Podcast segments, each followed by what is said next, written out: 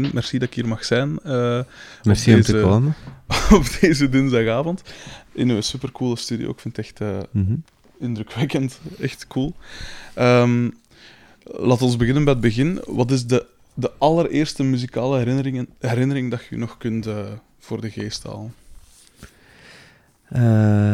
Goh. Wacht, de allereerste moet ik even denken, maar jij kunt toch de stiltes eruit knippen, hè? Oh, maar dat doe ik niet. Hè. Dat ah, is, kijk. hè. maar dat is Ah. niet erg, zo. Wacht. Is dat erg, die voetballers hier? Oké. Ehm. ja, enfin, de allereerste kan ik me niet direct herinneren, maar in ieder geval een heel belangrijke was wel dat eh, mijn vader was eh, lid van een eh, discotheek in eh, de Jezusstraat in Antwerpen. Lid van een discotheek? Ja, van een discotheek, maar geen dansdiscotheek, een discotheek waar je platen kon Ah, huren. ja, dus zo, ja, ja, een, oké. een, een bibliotheek, toen, toen was het er nog.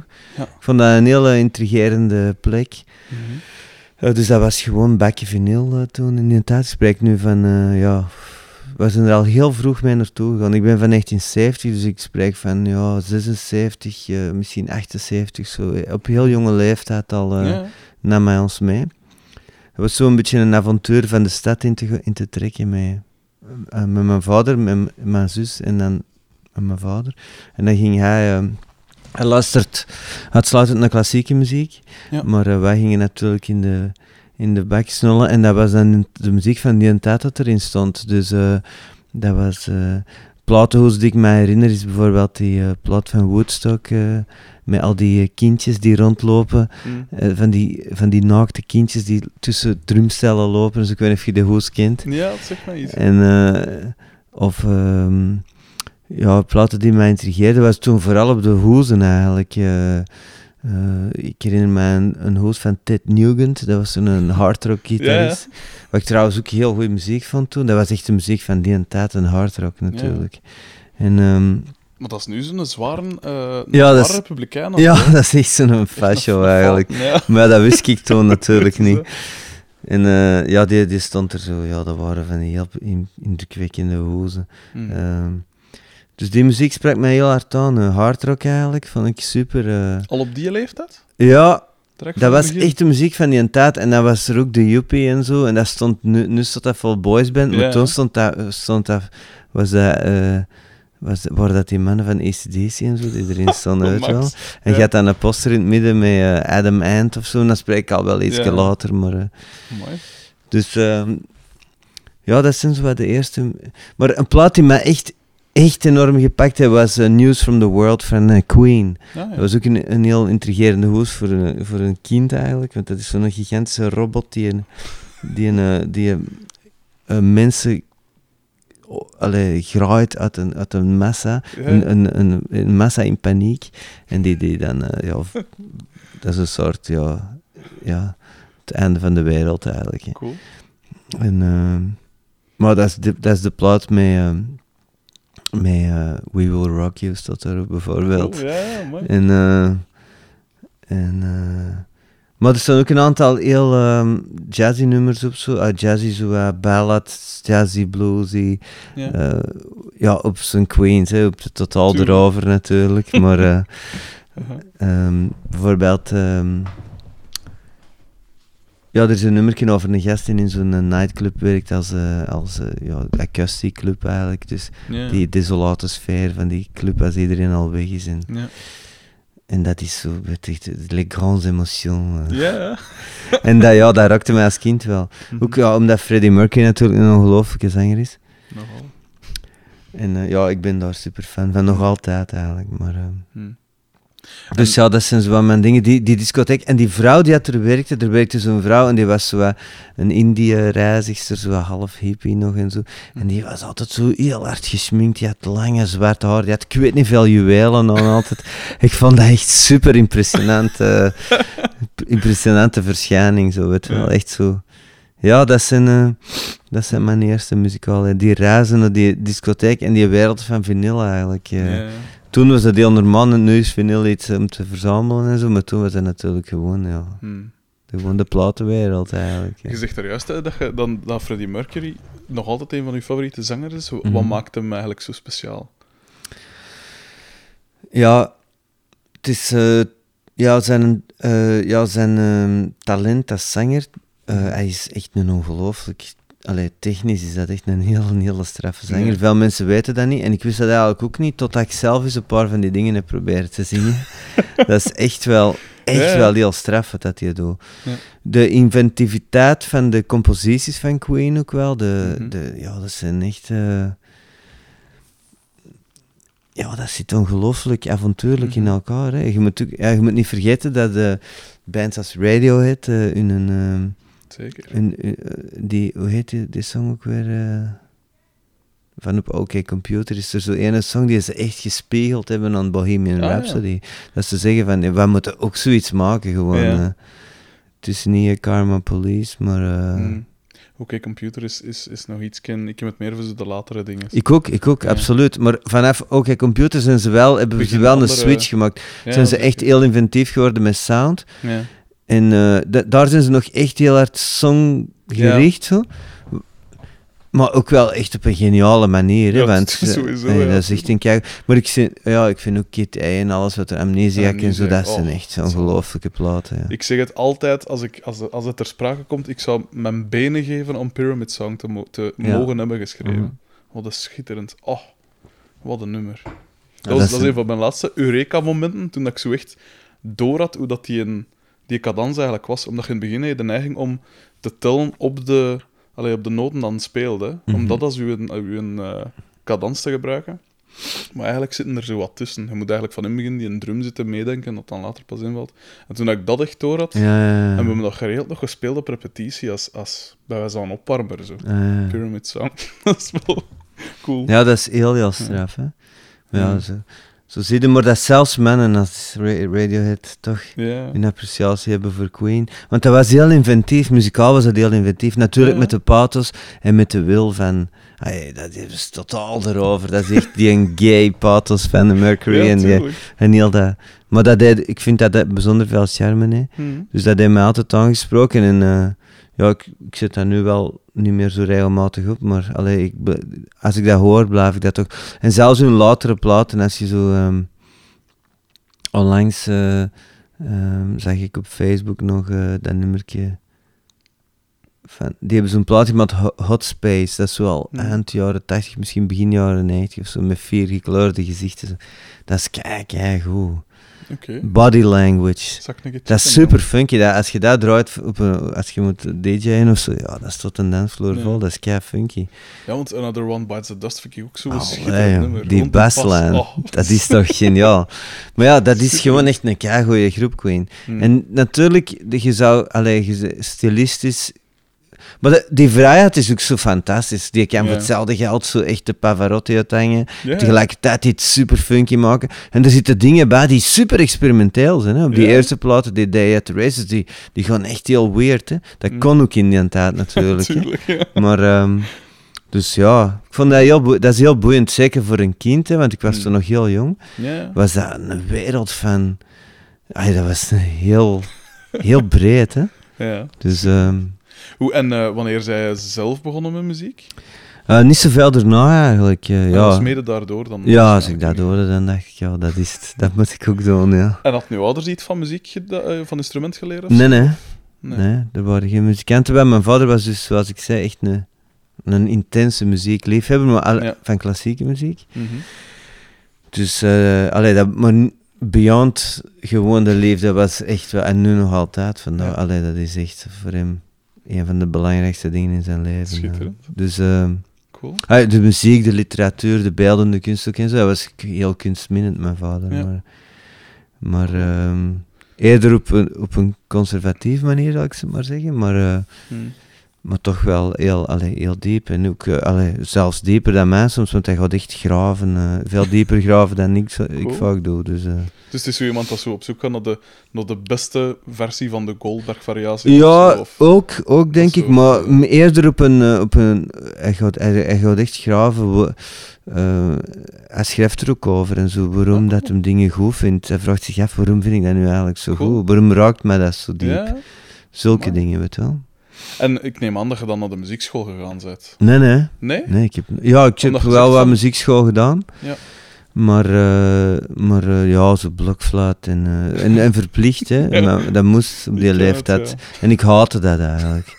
Je moet ook denken, dat is ook weer jaren 70, begin jaren 80, dat is niet echt heel funky. Hè. Dat was echt nog oldschool aanpak. Gewoon Uh-huh. Eerst eh, moeten die kinderen noten leren en dan mogen die al eens op een blokfluit spelen. En ondertussen was ik nog Queen aan het luisteren en Ted Nugent, weet je wel. Ja, voilà. Ik bedoel, die kick was heel ver te zoeken eh, in dat onderricht. Dus dat, dat, eh, dat werkte totaal niet. Hmm. De- in die tijd, het is ook jaren 70, het is eh, allee, eind jaren 70, de punk is er, Elvis Costello, de Sex Pistols, Ja. weet je wel, die dingen.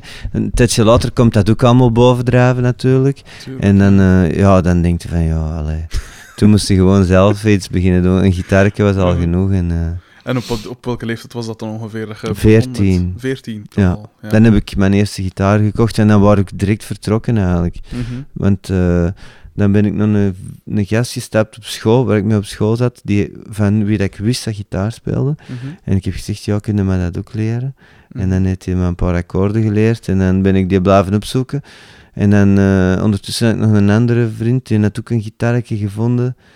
Want dat is ook dat verschil met nu, kun je dat bijna niet meer voorstellen, maar nu, eh, allee, iedereen heeft, gi- iedereen heeft supergoeie instrumenten en zo. Dat Ja. was echt niet het geval. Hè. We hadden, ik, ik had zo'n echt zo'n prulgitaartje van mijn, van mijn nicht eh, eh, overgekocht. Dat was zo'n eh, zo'n klassieke met nylonsnaar, echt zo'n zo'n. KSA-gitaartje.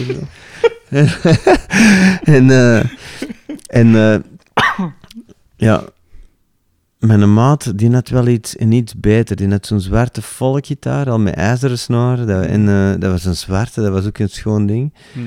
En, eh, maar dat was ook zo'n cheapo Japans ding. Ja. Allee, ik zeg nou cheapo, maar die dingen zijn uiteindelijk... nu blijken dat toch niet zo'n slechte gitaren geweest. Maar dat die gitaar is ook nog een heel verhaal. Ja. En dan met een andere maat, Sven, die had eh, een gitaar, een elektrische gitaar, kun je voorstellen?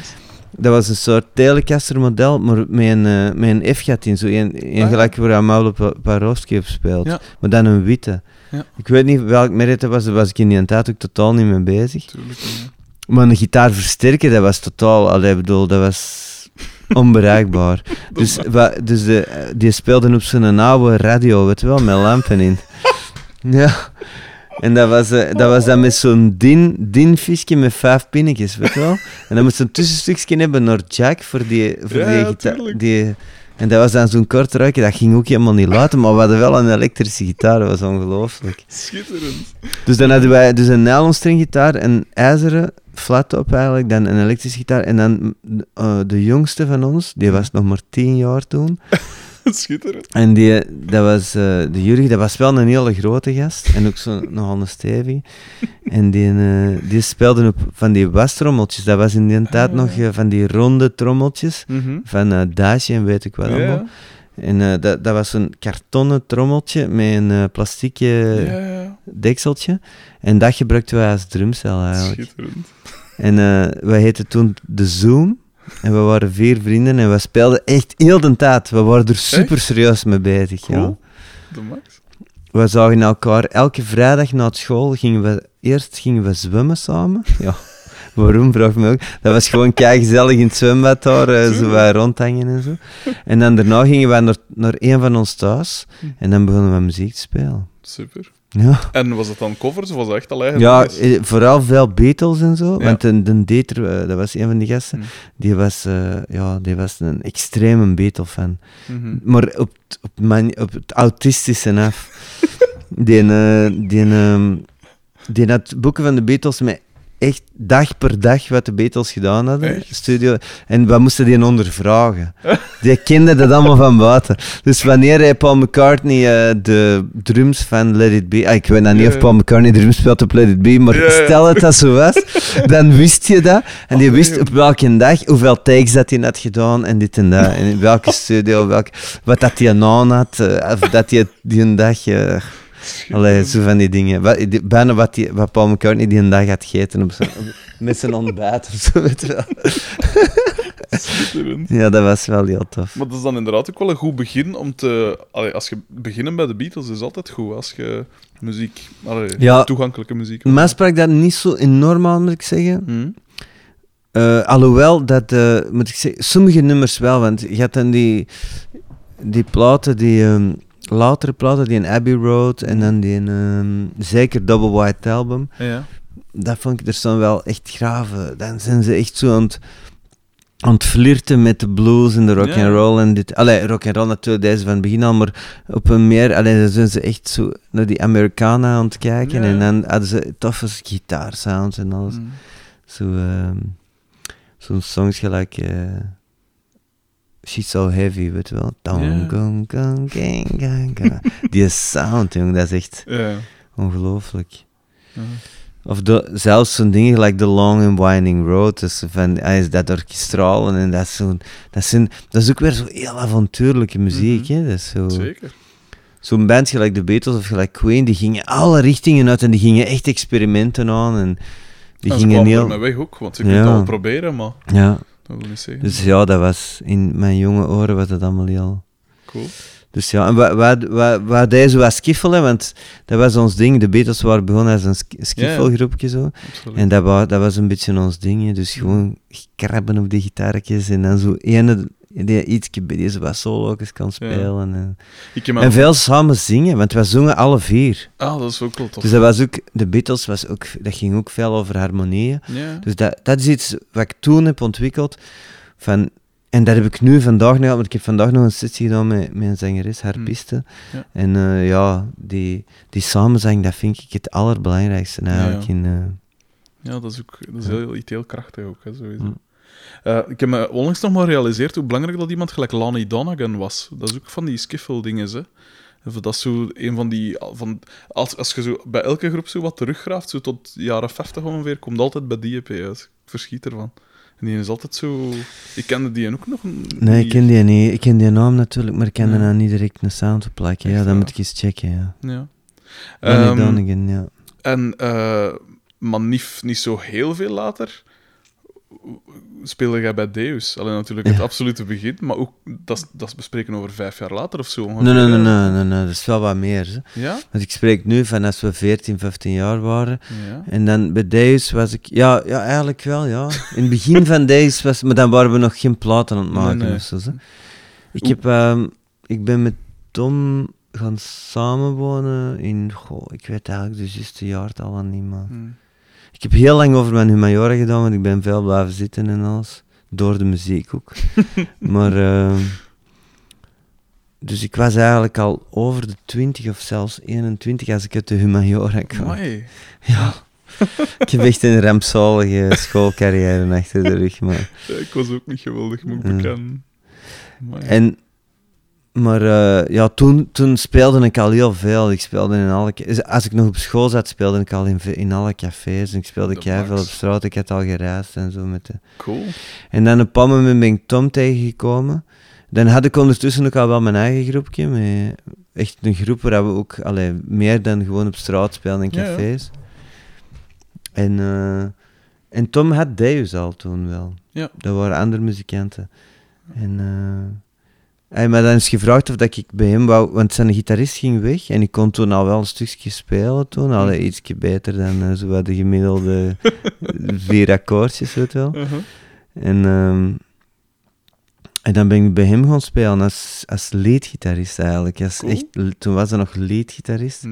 En echt zo solo's. En, eh, Mhm. en dan, eh, de drummer was Chris Dane trouwens toen, Ja. in die versie. En, ehm. En eh, ja, dan ben ik, eh, ja, hoe dat het dan juist was. Ja, dat is zo de periode dat je zo aan het zoeken bent en Ja. eh, van alles probeert en zo. Tuurlijk.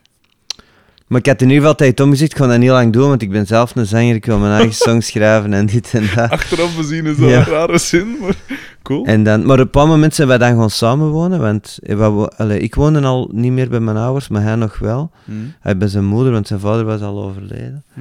En, ehm, en dan op een bepaald moment ging ik... Ik woonde in zo'n soort huis waar heel veel muzikanten woonden van over heel de wereld. En dan, eh, op een bepaald moment zijn wij gaan samenwonen, want we wouden ook een ruimte voor te repeteren. Mhm. En dan hadden we een huis gehuurd eh, op de Vrijdagse Markt in Antwerpen. met elk een verdiep en dan boven was een zolder ehm, Voor samen. waar we konden repeteren. Ja, op een zolder repeteren is op de vierde verdieping. dus. Geen goed Die idee, maar al. Ja, dus, eh, maar dat was wel... Een, en dan is er echt een hele intense tijd begonnen, die zo, ja, ik weet niet hoe lang, drie, vier jaar heeft geduurd of Mhm. zo. Ja. Van eh, reizen, van veel mensen ontmoeten, van heel de tijd aan muziek werken, van... Ja, echt... eh, ja, van heel veel... ja, een hele wilde tijd. en dan... eh, die, die dan uitgemond is in, in het maken van, een, van de eerste plaat met mijn groep en met Deus. Ja. En dan het succes van Worst Case Scenario. En dan is er nog een heel verhaal begonnen. Maar dat, dat was een beetje anders. Hoe heette uw groep toen, Ja. op dat moment? Een beatband. En Ah, later ja. Moondog Junior, ja. Ja, ja, en dan later. Zit dat zo. En dan zit dat zo. Ja, ik was niet van plan om nog eens te veranderen, maar ja, dat was een beetje gedwongen. Ja, was dat niet door een andere groep of zoiets dat ook al die naam had? Of een, Door een artiest, dat is niet echt een groep, dat is Artiest, eh, ja, Moondog. Ja, dat, dat moet je checken, dat is echt Ja, is dat... eh, ongelooflijke muziek. Dat. Ja? dat is zoiets gelijk eh, Penguin Café Orchestra, dat staat overal buiten. Dat is een wereld op cool. zich, Moondog. Oké. Dat is een Amerikaanse eh percussionist-componist. Zij- Dat is een blinde man. Mhm. Die is begonnen in de jaren 50 eh, eh, in New York. Ja, juist, dat zegt mij iets. Dat van dat, nu gezegd van dat blind, ik heb daar Ja, die is blind en die verkleedde zich altijd als een viking. dus die maakte dat zelf ook. Maar ja, dat klinkt nu heel grappig, maar dat Ja, was wel heel goed gedaan. Die had Ja. zo'n lange baard en die had altijd van die grote capes. Die maakte zelf zijn schoenen en al. Cool. Maar die maakte ook zelf al zijn instrumenten. De Die had van die heel schoon percussie-instrumenten. Die had ook bij de Indianen gezeten en zo. Dat was een heel bijzondere mens. Ja, Prachtige muziek. Die eerste twee, drie platen zijn opgenomen in New York op straat. Dus je hoort het, het, het verkeer ook eh, voorbij komen. En je hoort hem percussie spelen en ook eh, poëzie eh, reciteren. Mhm.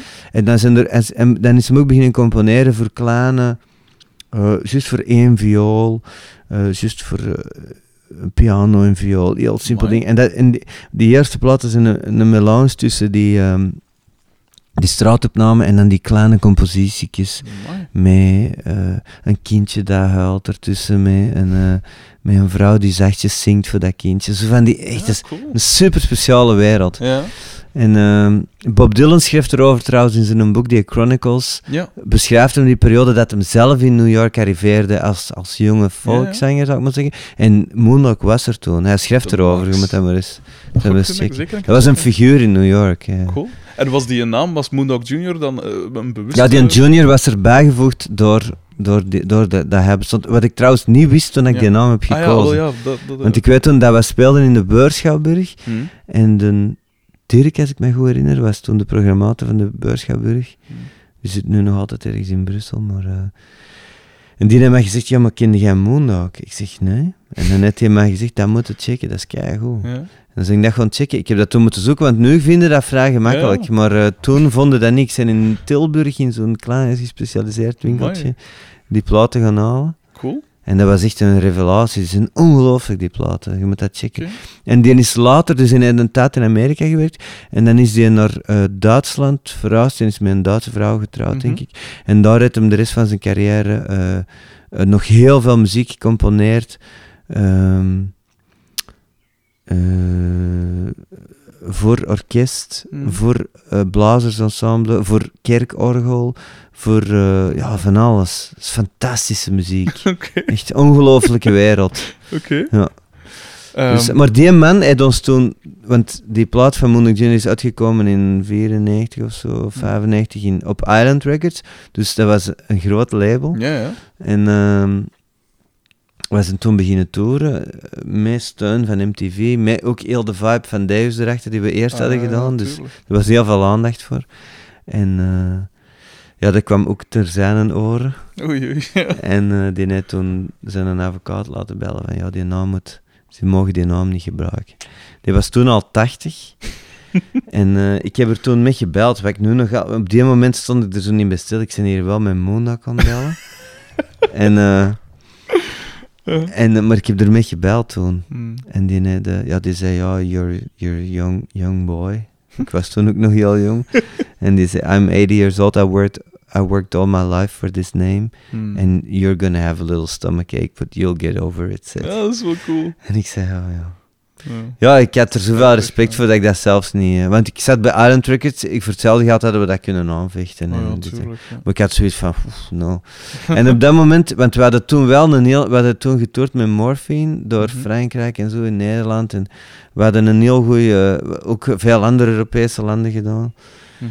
We hadden een heel goede start gehad met Mondok Junior. En ehm, ik was er wel kapot van eigenlijk. Dat ik dat moest loslaten. Want ik wist als ik Zal, een andere ja. aanpak, dan moet opnieuw beginnen. Want ja, dat- niemand weet. eh, Dus dat, ja. dus op die moment heb ik dan een naam gekozen die zo weird was.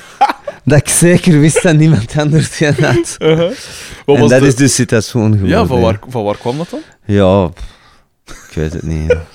ik moest gewoon een hele weirde naam hebben. Oh ja, werk Ik weet niet van waar dat komt. De hond van mijn tante vroeger, die heette Zita, dat was een Duitse scheper. Misschien Ja. is dat blijven hangen uit mijn kinderjaren. Ja. Maar ja. Geen, geen idee. Cool. En wat ik me dan wel afvroeg... ehm, afvraag, hoe, eh, wat was dan de muziek... Want ik zei, ik ben van 87, dus ik was toen zeker nog niet bewust met muziek en zeker nog niet met alternatievere muziek bezig. Mhm. Wat, hoe- wat voor muziek was het dan? En wat waren uw inspiratiebronnen? En, en waar... Of, Met Mondok Junior? ja.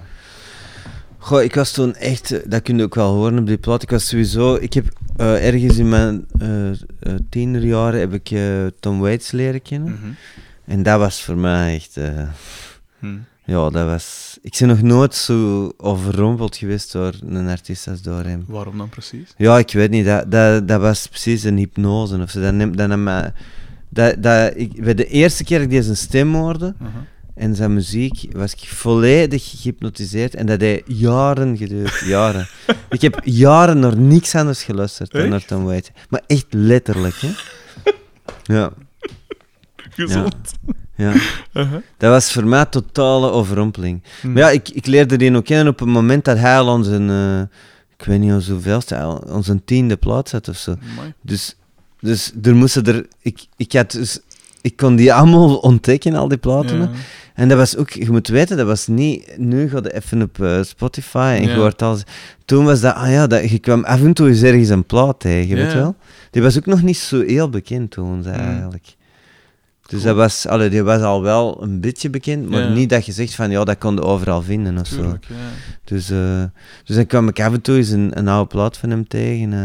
de bekendste was natuurlijk die Closing Time, die is nu nog altijd de bekendste. Dat is raar, dat is ook zijn eerste plaat.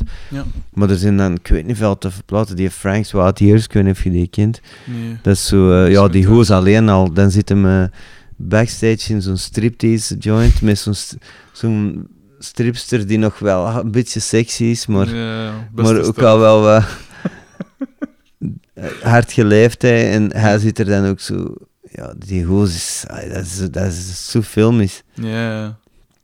En ja, veel van die platen, Hard Attack en Vine, dat zijn platen die, die niet veel mensen kennen van hem, maar dat is Mhm. keigoede muziek. Eh eh hoe noemt? Bounce Checks. Die, Ja. zo, die platen allemaal. eh. En dan daarna heeft hem heel die periode achter zich gelaten. Dan is hem ook bij Island Records gegaan. Dat was trouwens een van de redenen waarom dat wij met Island. Records wouden tekenen. en, eh, want eh, Tom, Tom Barman was er ook wel fan van, van. Waits. Niet zo intens als mij, maar ook wel natuurlijk. En ehm, toen, toen hij bij Island is gegaan, dan is hem op een heel andere manier muziek. En dan is hem extreem vernieuwend geworden. Hè. Dan, dan is hem, ja, heeft hem allerlei werelden, in allerlei werelden eh, inspiratie gaan zoeken. In de Ja. wereld van de, van de Balkan. Hè, wat- Cool. En dat is pre-Costa Rica en zo. Hè. Ja, Hij ja. was er toen al mee bezig. Want vanaf die films van Costa Rica is dat heel populair Ah, geworden. Maar ervoor was dat nog... Niemand kende dat, hè, Balkan. Super. Zo uh, Tarf de Haiduk of zo, dat is pas veel later dat dat op grote... Allee, heel bekend is geworden. Cool. Dus die dingen, eh, natuurlijk die blues, die jazz, die, die referentie naar crooners ook, die hem altijd gehad. hè. Ja. Zo de, de zette Frank Sinatra, die had hem vaak speelt. En, Mm. en eh, ja, en ook heel et- veel etnische muziek, want veel van zijn instrumenten die hem gebruikt is gewoon Afrikaanse percussie en zo op die Mm. platen. Als je die... eh, We'll Sail Tonight. Ik weet niet of je die platen kent, Frank's What Years Nee, zo. nee. eh. nee, want ik, ik ben altijd wat... Ik voel me altijd wat tegenhouden door zo dat... dat hij zo die diepe... Allee, zo dat... Soms zo wat te geaffecteerd naar mijn goesting. Zo. Die, dat is ook wel zo, die ja. gespeelde dingen, precies. Ja, dat is ook zo. Het is een acteur, hè. Ja. Maar misschien moet ik dat inderdaad eens een nieuwe kans geven allemaal. Ja. Als ik het zo hoor. ja, maar ik moet toegeven, want wat je nu zegt, heb ik nu ook wel wat last van. Eh, maar in die tijd, je moet denken, ik was toen 17, eh, 16, 17 jaar. hè. Ja, Dat komt op een heel andere manier binnen dan dat je dat als met een geoefend oor luistert en al heel ja. veel muziek hebt eh, gesmaakt en verteerd. Hè. Ja, Dus, ehm, ik zal toch eens checken. maar er zit dus, ai, of dat, dat is inderdaad, hè, Tom Waits is een acteur, dat is wel heel duidelijk. maar hij, is, hij doet dat toch op een heel bijzondere manier. En de, de wereld die hem opzoekt, is toch wel een wereld die hem creëert. Gelijk Prince ook een acteur is. Ja, ja. Maar dat zijn toch wel heel bijzondere werelden, Ja, toch ja. wel. En die doen het op zo'n overtuigende manier dat ze het zelf ook gewoon geloven, weet je wel. Ja, ja, tuurlijk. Hoe, en zat er dan veel van, van een Tom Waits bijvoorbeeld in hun eigen muziek toe? Ja, die Moondog Juniors plaat, die refereert heel duidelijk. Ja. En Heel- wat dan zo nog allemaal? Wat waren nog invloeden voor, voor hun Ja, in het verlengde van Tom Waits, Captain Beefheart was natuurlijk een heel belangrijke invloed. Eh, wa- waar ik toen ook heel veel naar luisterde, daar heb ik ook heel, heel lang over gedaan wel. zo. Ja. Want ik herinner me dat ik, ik had een, een Schotse vriendin eh, en ik was met haar, die, die was hier als straatmuzikante. Cool. Ik was met haar dan naar Schotland gereisd en heb ik daar ergens op een marktje heb ik eh, Trout Mask Replica gekocht. Ja. Dat is wat de meest experimentele plaat dat ik Beefheart gemaakt heb. Geproduceerd door Frank Zappa. En ehm, ja, dat is voor veel mensen een, een moeilijke plaat. Hè. Ja. Maar eh, en ik, voor mij was dat ook zo eigenlijk. Ik vond dat echt niks. Ik heb Mhm. die gekocht, dan heb ik die opgezet een paar keer en dan echt, no way, this is, this is too weird. Ja. Ik kwam van Queen en zo, Ah weet je wel? Dat is een tuurlijk. serieuze stap. Tuurlijk. Maar dan ben ik die terug gaan beluisteren en, en, en eh, Tommy ook. Mhm. En eh, we woonden toen samen en dan zijn die, en op een bepaald moment, Plots als, als die open gaat, die plaat, dan komt die in een wereld terecht. eh. Ja. Cool. Ja, en dan, en dan kon er heel veel werelden openen ineens. Als je, als je die stap hebt gezet, ja, dan kun je veel verder luisteren natuurlijk. Hm. Want eh, ja, dus... En dan Dr. John natuurlijk, hè, eh, de, John, ja. de, de Night Tripper, hoe heet die plaat? eh Gris Gris, hè. Hm. Ja, die, dat is ook voor veel mensen een mijlpaal, die plaat, maar die, Ja. die is zo fantastisch, die plaat. Zo, en dat is ook een acteur, hè, want Ja, ja. ik heb dat pas later ontdekt, want op dat moment klonk dat allemaal heel, heel realistisch in mijn oren. Maar dan heb ik later de biografie gelezen. En het blijkt, want Dr. John McRabenack eigenlijk, was zelf een producer eigenlijk Mhm. in New Orleans. En er, was, er waren heel veel goede muzikanten in New Orleans en die, die, die, die backten heel veel van de, van de, van de, van de top van de top 10 eh, Ja. artiesten van die. Cool. En die kwamen gewoon en moesten gewoon een goede gitarist hebben en eh, inventieve arrangementen op, eh, voor, voor rock and roll, voor R&B, voor eh, soul, voor... eh, Cool.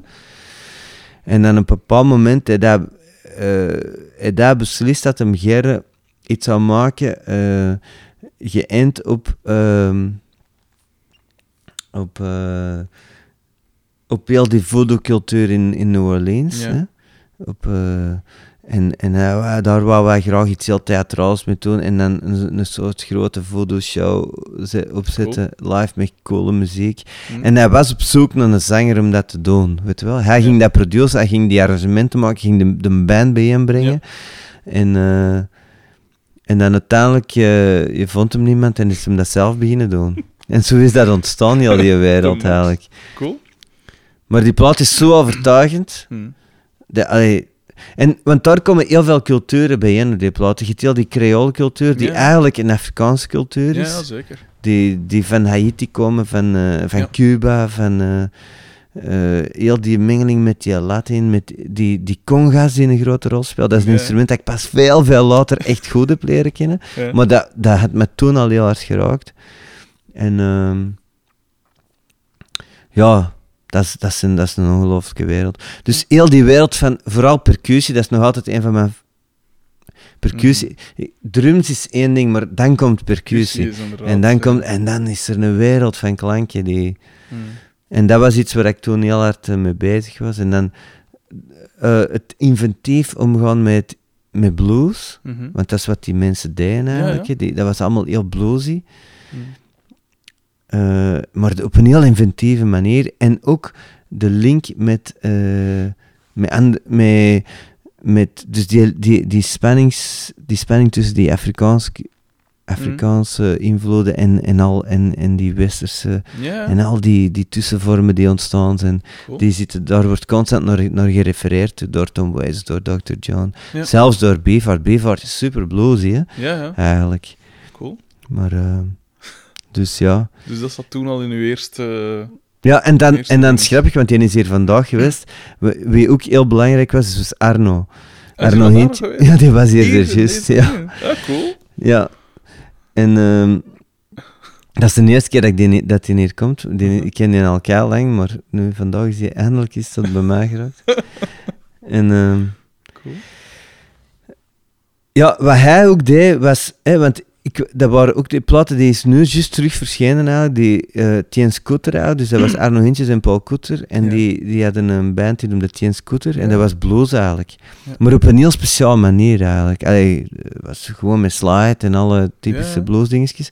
Maar door Arno zijn stem, door het gebruik van... eh, van een bepaalde manier van songschrijven, door de mengeling met rock en ook door de mengeling met chanson toen al. Ja. En, eh, en ook eh, die, die, die referenties aan, aan, aan Franse muziek en dit en dat. Was dat die, toch iets heel speciaal. Ja. En dat is, dat is zich later ook voortgezet in T-Matic, want Tien Scooter, dat komt in TC ja, van TC, ja. T-Matic. En ehm, dat was ook muziek die mij heel hard eh, intrigeerde, ook in die tijd. En, en wat maar vooral heel belangrijk, en dat was toen voor, voor, voor Junior, was dat het allerbelangrijkste eigenlijk, Hm. was... ge- en dat heb ik echt, dat heb ik hem vandaag ook gezegd aan Arno, dat is... Je speelt blues, Hm. dus je refereert aan je helden, hè, s- eh, al die oude bluesmannen, hè, die, Ja. die John Lee Hookers en die Sonny Boy Williams en al die gasten. Ja. Maar je, je brengt wel je eigen verhaal. Je zit jezelf, je bent een Belg, je Ja, ja. spreekt Nederlands, je spreekt Frans, je zit in Antwerpen, je zit in Brussel, je zit in een havenstad, je zit in Europa, En weet je wel. Je zit tussen. Parijs en Londen en. Berlijn en, eh, en dat, is, wie- dat is wie je bent. En daar doe je dit mee. ja. En dat was heel belangrijk. Want, en, want voor hetzelfde geld kun je gewoon leren hoe dat je blues moet spelen en, je, en je speelt blues, weet je wel. Maar dat was, dat was iets van, je moet jezelf zijn. Ja, ja. Je moet, je moet je eigen verhaal vertellen. ja. En dat heb ik van Arno geleerd. Ah, cool. Cool. Voilà. Dat heb je hem vandaag ook gezegd. Dat heb ik hem gezegd, ja. Ja, cool. Ik had dat al dikwijls gezegd in interviews en alles. Ja. Dat kon ik het eens zeggen als hij erbij zat. Dus, eh, want dat, was ook, dat waren de mensen van Arte eh, die hier mee waren. Dus, Ah, het was echt voor, voor de televisie. dan. tv, ah, ja. ja, ja. Mooi. Dat komt in september op tv. Ehm, hoe, eh, hoe kwam een, een nummer voor, voor, eh, voor Moondog Junior, hoe kwam dat dan tot stand? Schreef jij alles? Of was dat echt in een groep? Of hoe... Hoe ging dat dan? En deels ik en alleen eigenlijk, ja. Dus jij kwam af met een skelet dat voor Ja, 70% af was of zo? en Eh, dan werd dat... ik had toen nog geen studio en zo. Ik had wel Mhm. een viertrackje, dat was toen op cassette, viertrack, Ja, dat was iets dat we veel gebruikten. Met Deus ook en zo. Mhm. Maar ehm, ja, ik genoot ook enorm van het samenspelen. Van die, ik had toen een heel tof groepje bijeen kunnen brengen. Mhm. Met uh, Arie Gespers op drums, waar ik nu nog altijd mee speel vandaag. Cool. En, ehm, ja, en Thomas de Smit op contrabas. Die was toen juist contrabas beginnen spelen. Die is, die is later bij Think of One gekomen. En die speelt nu ook in de Broken Circle Breakdown Band. Bij, Ja. die, is, die heeft een eigen groep, eh, King Dalton. Ah ja, ja, juist. Ja. En eh, dat is een ongelooflijke gast. die heeft ook al een heel parcours. Super allee, krachtige mens. Ja. Niet alleen als muzikant, maar ook als mens. Ja. En ehm, dus die, die speelde contrabas en ook, ja, die hield ook van, van al die referenties. En die had Mm. ook gestudeerd, die had jazzstudio gestudeerd. Ja. Dus die, die kon van die twee werelden. Mhm. En dan had ik. ehm, ja, dat was de basis. En dan Tom Pintus is er dan bijgekomen. Wat eigenlijk nog een beetje een puppetje was in die tijd. Ja. Want die, die, die, die, die had ges- eh, klassieke piano gestudeerd.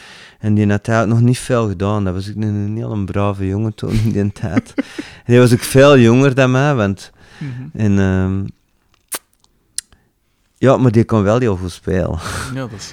En die is dan stilletjes meegegroeid en zo. En dan daarna ben ik wel een beetje, ook door, door het spelen met muzikanten als hij, Hm, die eigenlijk alles konden spelen, Ja.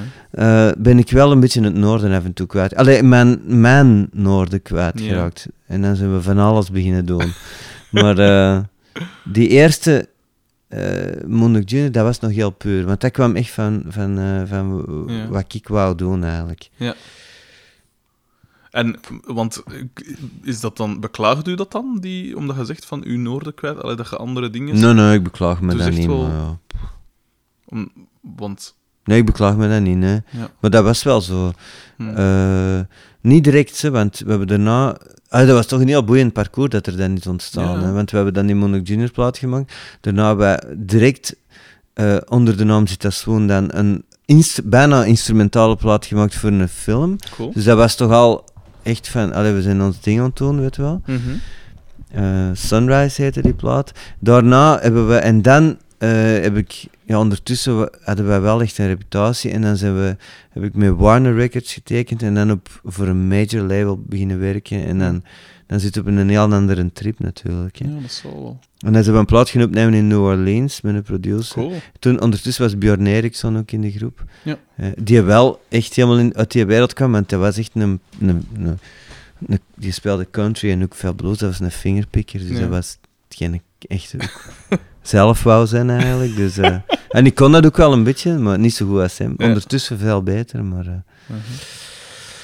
Cool. Dus ja, en dan hebben we toch wel een toffe plaat gemaakt, dat is die in I Paint Pictures on the Wedding Dress, en daar stond dan echt een hit op, dat was die in disco. Oh, super nummer. en dan... eh, nog altijd een super nummer. Echt Ja, en dat was echt een hit. Dat Ja. was echt een hit, maar een hit gelijk dat een hit is, weet je, waar je echt veel stuks van verkocht. En dan waren wij echt... Ja, dat overkwam ons ineens van alles, dus ja. Dat was echt... En vooral, er zitten ook zo... wa- Want je zegt er inderdaad veel diverse invloeden, maar er zit ook... In dat nummer alleen al zitten veel Ja, ja. Toffe, toffe dingetjes. Zo die zijsprong, juist voordat je dan weer doet... Takka, takka, takka, takka. Ja, Allee, ik, ja, je zult een stuk... ja toen waren wij ook wel redelijk inventief. Dat, was een, dat was een toffe periode ook, qua alles. Qua... Toen ben ik ook kleren beginnen maken en dan ben ik eh, ook terug eh, beginnen nadenken van ja, ik ben eigenlijk beeldend kunstenaar, want Hm. Ik had dat een hele tijd losgelaten, ja, door heel die turbulente periode met. Deus en alles. Dan ben ik terug beginnen schilderen, kleren maken, en, eh, heel veel repeteren, veel zoeken en dit en Ja. dat. En dan ben ik terug eh, een beetje met mijn potjes op de grond gekomen eigenlijk. Ehm, ja, En er was ook heel veel succes dan, dus dat was ook tof, want allee, dat, er was ook heel veel draagvlak, ik kon ook van alles doen. En, eh.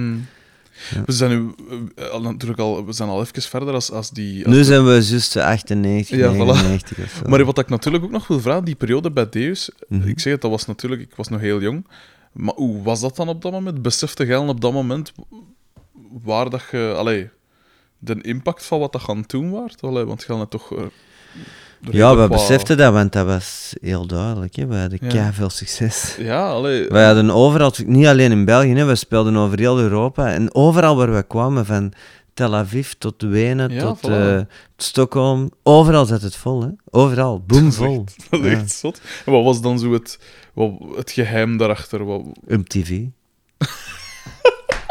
ja, dat is echt zo. Puur MTV. MTV. Je moet niet vergeten, want later is MTV zijn nationale, eh, dus voor de Ja, ja, dat- dat MTV, en dat was TMF en al die dingen. Ja, En in Frankrijk. Maar toen was MTV, dat was voor. van Londen en dat zende uit van Tel Aviv tot Helsinki. Ja, ja. Dat was iedereen kijkt dezelfde programma's. Ja. Dus als je daar een clip in high rotation had, Ja, het zal wel. je kunt die impact ervan kun je niet onderschatten. Hè. Nee. We hadden drie clips in high rotation. And Soda, Via en Hotel Lounge. Ja. Alle drie op, op een periode van, ik weet niet, zes maanden of ik weet niet wat, of een jaar of zo. Ja, dat had een gigantische impact. Ja. We stonden op alle grote festivals, in Frankrijk, in Engeland, in Duitsland, in overal. Hm. We En- speelden... Hoe oud waren jij toen? Ik was 24 toen. Tom was 22. De Klaas was... De violist Ja. was 18, 17.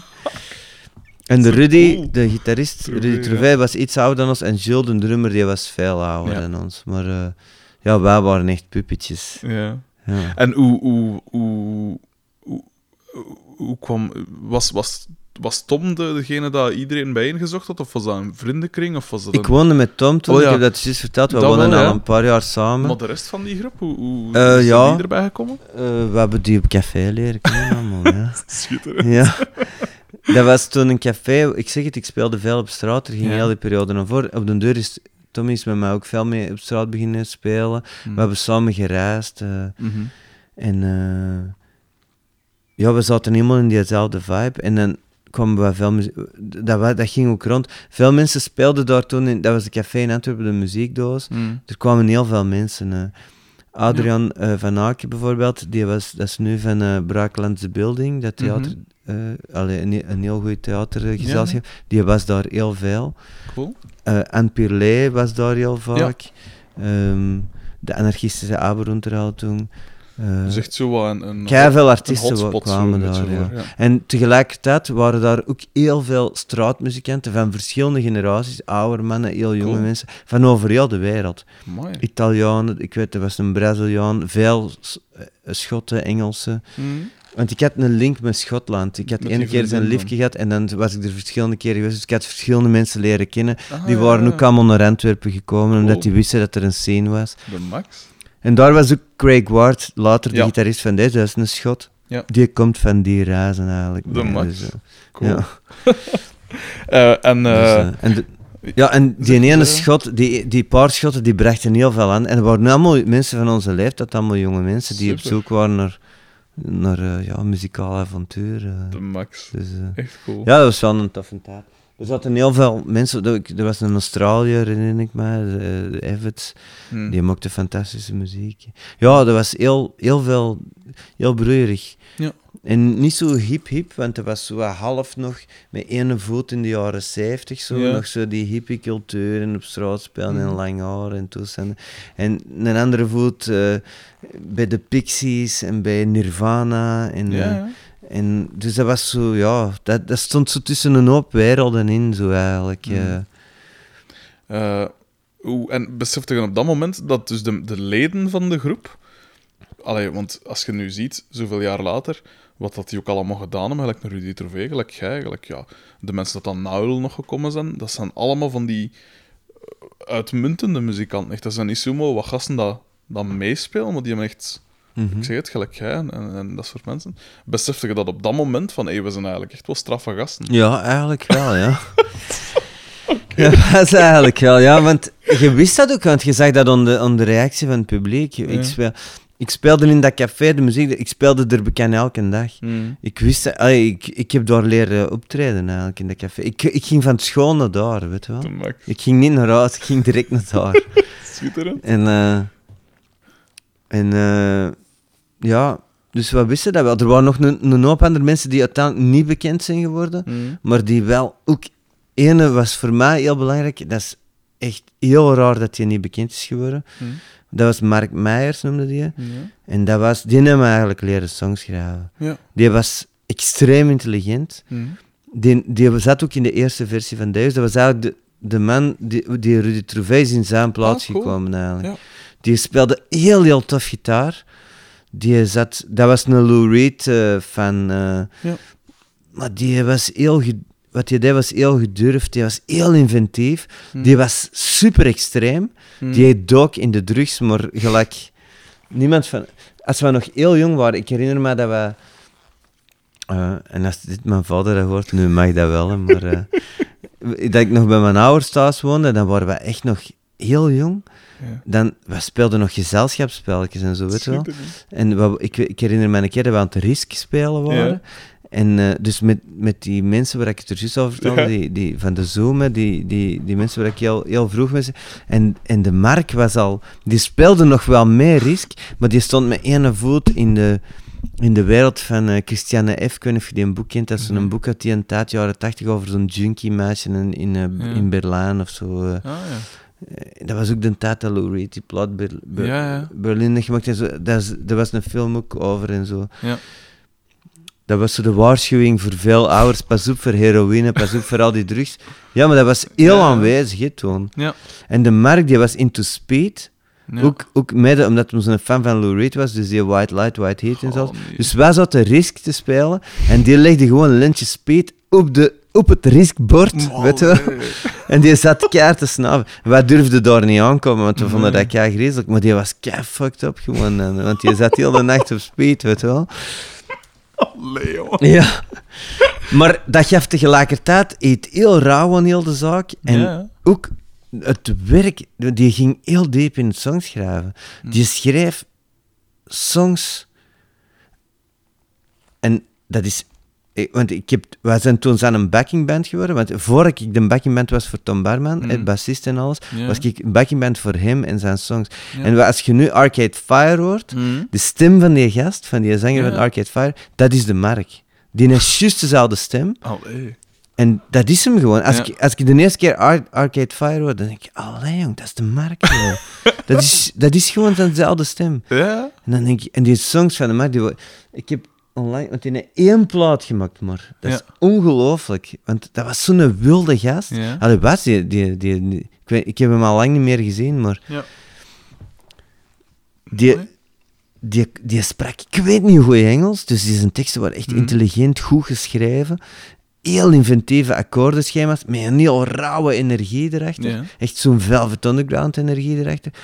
Heel inventief op de gitaar, die, die kon goed feedbacken. Dat waren dingen waar we, Ja. waar we totaal niet mee bezig waren in de tijd. Tuurlijk. Ook de Tom Barman niet, hè. Want de, de, de Mark heeft op hem ook een hele grote invloed gehad van...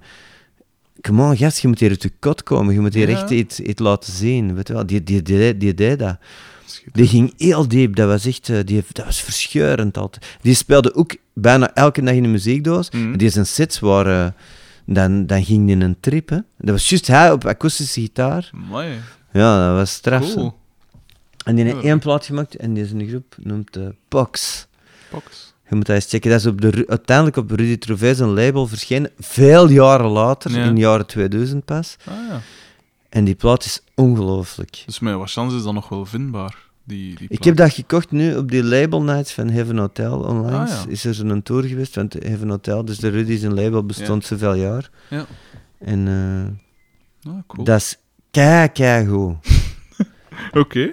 Maar het is onvoorstelbaar dat die gast niet verder is gegaan. Want een van de nummers op de Monarch Junior plaat, de eerste plaat, Wait Until You're Gone, dat nummer, is van hem. Ah ja. Ik heb zijn nummer gecoverd, omdat ik dat al kei lang speelde. Ja. Ik, ik speelde Ja, zijn nummers, zo goed was die, weet wel. Ja. Dat je Amai. niet alleen eh, Bob Dylan wou coveren of The Beatles of ik weet niet wat, Mo- je maar- wou hem ook coveren. Cool. Die songs waren ongelooflijk. Ja. Mooi. Hm. Ehm, was eigenlijk bij deze, was, was, was, hoe, hoe zat dat met, want jij bent een goede zanger en Tom is natuurlijk een goede zanger. Heeft dat nooit op dat vlak geconflicteerd dan? Heeft dat nooit voor spanningen gezorgd of zo? Tussen ons twee? Ja. Ja, constant natuurlijk. ja, En, en eh, dat was ook toffe aan deze. Dat was constant die, die, dat wringen tussen ons elkaar twee. naar een hoger niveau waarschijnlijk dan. Ja, tuurlijk. Cool. Maar En- Tom is... wa- wa- wa- door, het is wel duidelijk door Tom dat alles groot is geworden, want hij wou dat echt. Hè. Mhm. Wij wouden dat ook wel ergens, maar hij was er echt heel bewust mee bezig. Ja. En hij, hij deed ook de stappen die nodig waren om, om dat te laten gebeuren, weet je wel. Ja. En zo, real- zo realistisch waren wij allemaal niet. We waren echt met de muziek bezig en op een heel serieuze manier en heel intens. Ja. Maar hij was daar ook heel serieus mee bezig. Maar tegelijkertijd had hij ook heel hard zijn blik naar buiten open. Ja. Op de tijd. Op, hij, hij- ik las geen kranten hè, in die Mhm. tijd. Dat was echt, eh, ik was totaal niet aanwezig. eh. ik leefde volledig in mijn eigen wereld. Wat op zich een hele, een hele Ja, tuurlijk. Dat was een superboeiende wereld. Hè. Ja, ja. Maar hij keek ook veel verder. ja. Wat is bijvoorbeeld dan Hij wou toen ook al films maken, hè, want Tom zat, ik woonde toen Ah, met hem toen. samen, wij, wij zaten in heel dat nachtleven en heel die dingen, maar hij ging wel in een dag naar school. Hè. hij Ah, ging naar de filmschool in Brussel. Hè. Bij Mark Diede zat hij les te volgen. Dus hij wou toen ook al films maken. Hè. Ja, cool. Dat is een heel Tom is een heel een bewuste mens, een heel... Ja. en die is, eh, hoe hoe noemt dat, eh, hyperkinetisch. Hè. Die heeft veel meer energie dan, dan andere mensen. Oké. Dat is, ja, dat is zo. Je moet er, ik weet niet of dat je die al zit ontmoeten, maar ja. Nee, nee. die is... eh. En toen viel dat nog mee, nu is dat nog veel erger dan vroeger. Die, Ah, ja. ja, die, die, die, die, die, leeft hetzelfde op wat wij in een uur leven. Dan je, Ja. hey, dan, dat, dat doe dat op 10 minuten, weet je. Ja, De max. ja. Ehm, wat is dan bijvoorbeeld zo de... de... Hoe, hoe kwam bijvoorbeeld een... Hoe kwam bij Deus dan een nummer tot stand? Want daar heb je dan... Allee. ja, er waren heel veel eh, variaties in. Veel, we repeteerden heel veel, elke dag bekend. Mhm. Dus we jamden kei veel. En dan, eh, ja, dan bleef wat schaven. Ja. En, dan, en we zaten met heel schoon Polen eigenlijk, want ik kwam met... eh, wat ik vooral wou doen was eh, groove. Ik was een bassist. Ik, Ja. Groove, dat was iets dat mij interesseerde. Percussie, groove, Ja, dansbaar. eh, hypnotisch ook. ja, ja. Dan had de Rudy Trouvé, die een, het, de heel experimentele ook. Kei veel noise, feedback. Die keek heel hard naar eh, die Joodse eh, New York scene, weet je wel. Mark Ja. Ribot, eh, Bill Frisell, eh, Fred eh, al die mensen, weet je wel. Ja. Eh, John Zorn, eh, Ja, al die dingen. ja. En dan hadden Tommy, die, die, die, die, die, die- dat was een man van zijn tijd, die kijkt naar eh, Dinosaur Jr., eh, Nirvana, eh, Ja. Pixies, eh, de harde poppy, Ja, alternatieve, maar wel heel poppy. ja. Catchy poppy. En dan eh, Klaas, ja, die was nog heel jong toen, die komt uit de volkszien. Mhm. Die, die zijn ouders waren folkmuzikanten. Ja. Dus die kwam van de draailier en dat dinges. Ja. Maar dat was echt nog een puppetje toen. Hij was super jong. Mhm. En, ehm, en de Jules, eh, de drummer, die, was, eh, die kwam van Jazz, die kwam uit de Fusion. Zo, Mooi. hoe noemt hij nou weer die eerste groep van Robert Wyatt? Ja, ik heb het er met dingen over gehad. Tox was daar zware fan van. ja, ja, dat is keigoed, die muziek. Ja. eh. wacht, ik heb die platen niet. Ik kan er nu even niet op komen. eh. Want hij heeft mij ook gezegd, hè. De groep zelf en dan Robert Wyatt zelf ook, al- allee, daarna. Dat heb ik pas veel later ontdekt. In ieder geval, de Jules kwam uit die wereld. Ja. Dus... Moet de micro niet vergeten. Zo experimentele eh, fusion, Ja. eh, jazzy, maar toch heel vrij. Ja. De Jules had gestudeerd ook, die had het jazz, jazzstudio ook gedaan. Mhm. Dat was de enige van ons. Voor de rest, niemand van ons had muziek gestudeerd. Maar en hoe komt dat dan bij, zo- bij, bij Klaas bijvoorbeeld terecht, dat dan zoveel jonger is? Hoe, hoe... Die woonde ook in de stad, ja, op café. Schitterend. Die gewoon. speelt viool, ah, kom eens af. eh. De max. Ja. Maar gaf dat dan geen... Allee, want ik heb ook al in, in verschillende... Allee, met veel verschillende muzikanten proberen werken. En, en zeker ook uit verschillende genres. En dat vind ik ook juist het interessantste. Want eh, gelijk dat je er zoiets zei over die en blues. Ja, je kunt blues leren spelen en dat dan zo houden. Ja, ja. Maar het wordt pas interessant als je dingen begint te vermengen en zo. Ja, ja. Maar je moet natuurlijk de bereidwilligheid hebben. En met tweeën gaat dat nog. En met drie gaat dat nog. Maar als je dan... Allee, iedereen kwam bij ons uit een andere dingen. Gaf dat dan nooit problemen? Maar ja, er waren ook een hoop andere muzikanten nog. Dus, want dat zijn de mensen die uiteindelijk die plaat hebben gemaakt. Ja. Maar eh, er waren, gelijk ik zeg, de Mark was er ook. En die hield ook wel van, van dat bluesy gevoel, maar die was veel. Dat was Lou Reed, Velvet Underground, eh, John Cale speelde die ook. Ja. John Cale, jong, wat een ongelooflijke muziek had hij gemaakt. dus die, die had dat ook allemaal leren spelen. Ja. Eh, ik luisterde ook veel naar Bruce Springsteen, dat was ook een van mijn helden. Dat was toen in die tijd not done, hè, want dat was in een tijd van Born in the USA en iedereen vond dat veel te commercieel en alles. Ja, Achteraf gezien is dat natuurlijk een legendarisch goede plaat. absoluut. En die gast, dat is ook een top songschrijver. Hmm. Maar ehm, ja, mij sprak dat heel hard aan toen, maar dat mocht het toen niet te hard op zeggen. maar eh, Uh-huh. dus ja, al die dingen, dat zijn echt goede songschrijvers. Dat is wel, ja, van zo, ja, hoe schreef je een song, jongen? Zit ermee bezig? Dat was, en, en waarom schreef je een song? Waarom doe je dat? Hmm. Dat vraag ik mij ook nog dikwijls af. En ik denk, veel van de dingen die wij geschreven hebben, zijn ook niet zo heel belangrijk uiteindelijk. Mm. Maar eh, Maar gelijk een Suds en Soda, weet het, weet het daarvan nog min of meer hoe dat, dat tot stand ja, dat was gewoon gejam, ja. Dat was gewoon een jamsong eigenlijk. Dat is de max.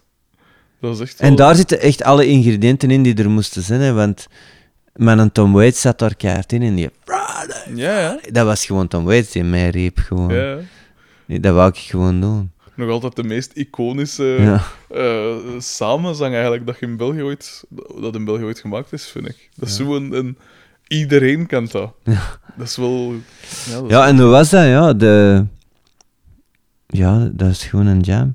Dat was trouwens want, eh, bij Chris Dane. Wat kende die Chris Dane? Die Eh, ik, ik hoor die naam. een- voor een de Brussels, wereld passeren, ja, maar- Ah, die is van Antwerpen, maar die woont al heel lang in Brussel. En die heeft net een heel, heel schoon plaat gemaakt dit ja, jaar. het is ermee, Ja. pijs ik ook dat hem zo weer wat Dus, die, dus dat was de drummer, origineel drummer van Deus. En die was dan later, had hij zelf groepjes, heel funky dingen. Zo, Hm. dat was echt zo de man, dat is ook een heel schone jongen. En die had zo- zo'n heel... en, allee. Mhm. En ik weet nog, we hadden ooit eens, ik weet niet waarom, dat we eens een tijdje bij hem repeteerden. Die woonde toen in de Jodenbuurt ergens in Antwerpen. Hm. Had je zo'n ding gehuurd, allee, ook volledig erover, maar dat was ook zo ene die... Maar dat was wel, die ging er ook wel voor. En nog Ja. altijd vandaag.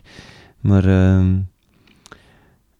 en we konden bij hem repeteren en daar hebben we dat bijeen gejamd. Dat weet ik nog, in een kelder zo ergens. Cool. En eh, dat was gewoon, ja, de klas die begon... En de Rudy ging erop in en ik viel op baas in en dan begon te roepen en dan Tommy gooide een refreintje in en dat stond er... En dat was het. Dat was, ja. De max. Ehm, maar je zet dan, eh, je- je zet dan het deels, allee, hoe dat ik het mij herinner, waarschijnlijk van een Belga, Bel, eh, allee, een Belga dingen eh, aflevering. Is dat jij eruit gaat zetten, maar het kan zijn dat ik mis ben, om u dus meer te concentreren op je eigen dingen? Of, of ben ik dat... Nee, want die waren altijd doorgelopen. Ik heb dat Oh, ja. nooit opgegeven en de Rudy had het ook nooit opgegeven. Mm. Dat, dat, dat bestond allemaal naast elkaar. We repeteerden in dezelfde ruimte ook. Hè. Ja. Dus er stond altijd het grief van mijn groep en het grief van deze stond gewoon allemaal doorheen. Ah, We woonden samen ook gewoon.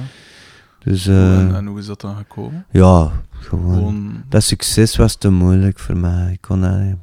Ja. Dat succes was zo overweldigend. Je moet weten, dat was een Oh, heel close eh, ding.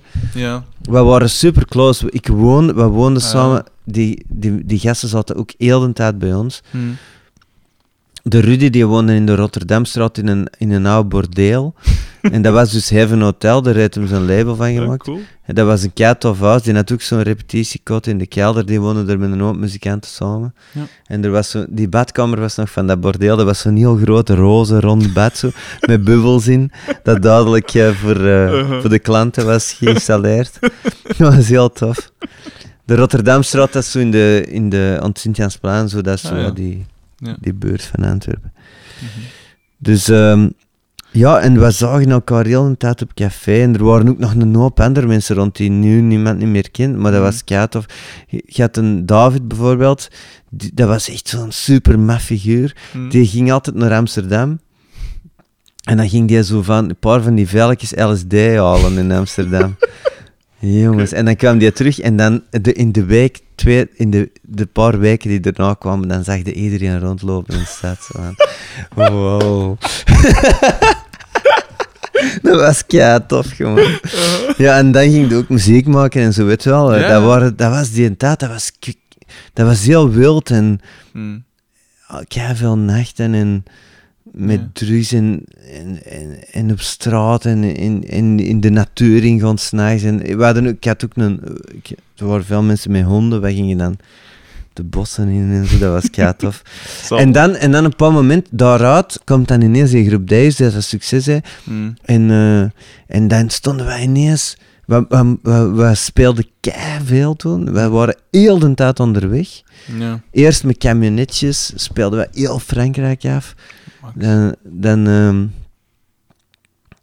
en dan gingen we in Nederland en dan, en dan gingen we naar daar en dan, werd dat wat groter en dan was een tourbus en dan gingen we... En we waren heel de tijd weg. Dus heel dat contact met heel die scene, met die Mhm. dingen, was ineens helemaal weg. En dan kwamen we terug en dan waren we ineens big shots, weet je wel. Iedereen van, amai. En we hadden ook geld ineens, want ervoor hadden wij niks geld. En dan ineens begonnen we kei veel geld te verdienen. Ja. Maar echt veel, hè. Ja. Allee, veel voor ons toen. Ja, Uiteindelijk nu zal dat niet zoveel geweest zijn, maar... Uh-huh. Dus ja, dat was ook raar. En eh, alle relaties veranderen dan met mensen. En Ja. Ik kon dat niet aan. Hm. Ik was nog veel te jong. En, eh, en de, de Rudy kon dat ook niet aan. dus de Rudy is eerst weggegaan. Ja. En dan ben ik weggegaan. En dan... En voor, en voor, voor Tom was dat echt wat dat hem wou. Die wou dat. Ja. Dat, was wat, dat is waar het hem naartoe aan het werken was. Ja. Maar we, we, we wisten, we hadden dat niet goed begrepen, denk ik. we gingen gewoon mee met heel veel enthousiasme, maar dat is Ja. niet wat we wouden. Dat. Hoe en wat wou jij dan wel? Ik wou dat wel, ik wou wel muziek spelen, maar Maar niet zo... Niet in, dat, in zo'n artificiële sfeer. Ja. Is wou- ook, is ook niet wat probleem dat je dan... Allee, normaal... Allee, normaal. In de meeste bands, als je op tour gaat, en zeker lange tijd, ja, dan kom je thuis en dan even zo... Zij even weg van je groep. maar er was geen thuis. Er Ja, wel, was ja, geen voilà. thuis. Dus je had constant echt met elkaar... eh, De thuis was, was dat. Dat was ah, de ja, ja, thuis. zo bedoel ja, ja. ja. Ja. Dus er was niks anders. Er was geen vriendin, er was Ja, geen dit voilà. of dat, weet je wel. Is dat, dat kan wel zijn, zijn Hm. tol eisen. Ja, nee, dat was geen tol. Dat was uiteindelijk ook allemaal niet zo heel erg. Maar ja, voor mij was dat toen niet, niet juist. Ik, ik, had dat, ik, had, ik, ik, ik, ik, wou, ik, wou dat, ik vond die wereld van die relaties met die mensen juist heel intrigerend. Ja, Heel echt ook. ja. En, en die wereld, want we zaten toen heel veel in Londen, Hm. in het hartje van de Europese muziekindustrie, Ja. bij de grootste platenfirma's dat er toen waren. Ja, Dat was super artificieel. ja. Er was kei veel drugs ook toen. Veel cocaïne. Niet bij mij, hè, maar bij veel. Ik heb dat nooit gedaan. Wel veel andere dingen, maar cocaïne heb ik nooit gedaan. ja. En dat was voor mij dat is een drug die ik echt niet tof vind. Hm. Want mensen waren heel anders. Er zijn ook heel tragische dingen gebeurd erna met veel van die mensen waar we toen mee werkten. Die zijn echt in eh, Hm. rehab moeten gaan en toestanden. En, eh. Ja, dat is niet, eh, niet ideaal. En dat vooral wordt nooit niet verteld, hè, want ze Ja. zeggen altijd, ja, de wou weg en dat de ego's tegen elkaar, maar dat ging veel dieper, dat was op een Mm. niveau van, eh, van eh, ja, voor mij, ik was echt bezig met mensen te ontdekken en ja, en, de, ja, en ook, eh, ja, ik weet niet wat, op een of andere manier toch een soort geborgenheid te zoeken, of een thuis te zoeken, of iets te creëren dat echt is, waar je heel leven op kunt voortgaan. Ja. En dat was helemaal gebroken door dat verhaal. Ja. En dat is ook nooit niet goed gekomen eigenlijk. Daarna heb ik terug moeten relaties opbouwen op een Ah. andere manier. En... Ja. Want eerste had iemand bekend, hè? Ah ja, ja, het is dat is heel raar ook. Ja, dat, dat, dat, overkomt u maar, hè? Ja. Maar dat is een klassieker, dat is niet alleen van mij. Dus er zijn er duizenden voorbeelden van jonge mensen die in zo'n Ja. situatie terechtkomen. En sommige ervan komen goed en sommige, sommige zijn al dood als ze dertig zijn. Ja. ja, dat is juist. Hm. En eh, hoe lang heeft dat dan geduurd? Voor, want ge- uw, uw, uw andere groep bleef natuurlijk bestaan. Het Mhm. Dus tijdens deze. Ja, die hebben wel een paar keer stilgevallen, stil, want we waren ja. zoveel weg. Dat Maar- ging gewoon niet. En eh, hoe lang heeft dat dan geduurd? Of allee, zij dan rechtstreeks van, nadat je gestopt zijn met Deus, zij dan rechts, direct op je, op uw eigen ding weer beginnen focussen, vol een bak? Of ben je even zo af? Ja, ja, direct. direct. Direct. En eh, in wat jaar was dat dat jij eruit gestapt bent? Uit 97. 97. Die in disco is toch niet zo heel lang Dat is er een jaar daarna, zo 98 denk ik. Daarvoor zit die soundtrackplaat Sunrise. Ja. Maar ja, maar dan eh, met die... Het is dan wel geestig. En dat was wel grappig, want dat Ja. was, die soundtrackplaat is gemaakt op aanvraag van Erik Kloek. Hm. Dat was de baas van de Cartoon Cinema hier in Antwerpen. Ja. Dus die, dat was een filmkenner. Die had ook dat café beneden van cartoons. De Tommy werkte bij cartoons. Hij was de proje- projectionist, want Ah, ja, een grote ja. liefde voor film. Dat was toen nog op pellicule. Dus Tommy eh, die, die legde de films op de rollen. En die, dat is een klein cinemakje, arthouse cinemakje. Ja. En ik werkte er ook vaak als kaartjes scheuren gewoon. Ja. Dan kon de grootste film gewoon zien en dat was tof. en eh, dus als we bekend waren, had hij mij gevraagd van wilde jij geen muziek maken voor een filmfestival in Antwerpen, in Brugge. Dat was in Antwerpen in Brugge, dat was Mhm. een zusterfestival. eh voor, bij een stomme film. Sunrise. cool. En hij had ons toen een aantal films laten zien en hebben die gekozen. Cool. En Erik, diezelfde man is later een van de acteurs in een Tommy's in een film, eh, Ah ja. in de Anyway the. Wind Blows. Ik heb die nog altijd niet gezien. Ja, dat is een goede film. Misschien ook eens moeten doen. Eh, maar het is dan wel geestig dat je inderdaad dat je zegt van oké, ja, gans dat, die artificiële wereld, hè, van zo, als, als je echt superveel succes hebt, Mm. en dan concentreer je weer op Citaswoon, of wat dat dan Citaswoon geworden is, Mhm.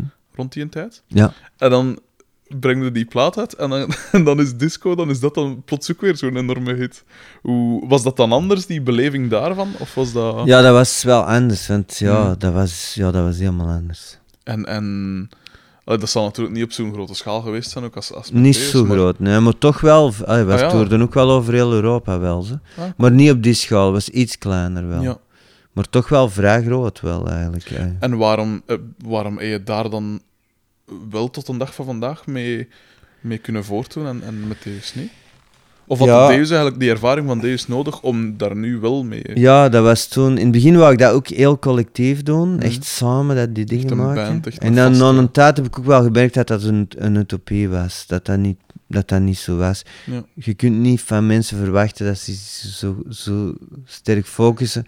Die energie die we met Deus hadden, die was echt wel heel bijzonder. Hmm. Die focus, Hmm. die gemeenschappelijke focus, die we zo twee platen eigenlijk hebben gehad. Ja. Uit die ik uit tweeënhalve platen, want Sisters in My Clock zit er nog tussen. Ah, ja.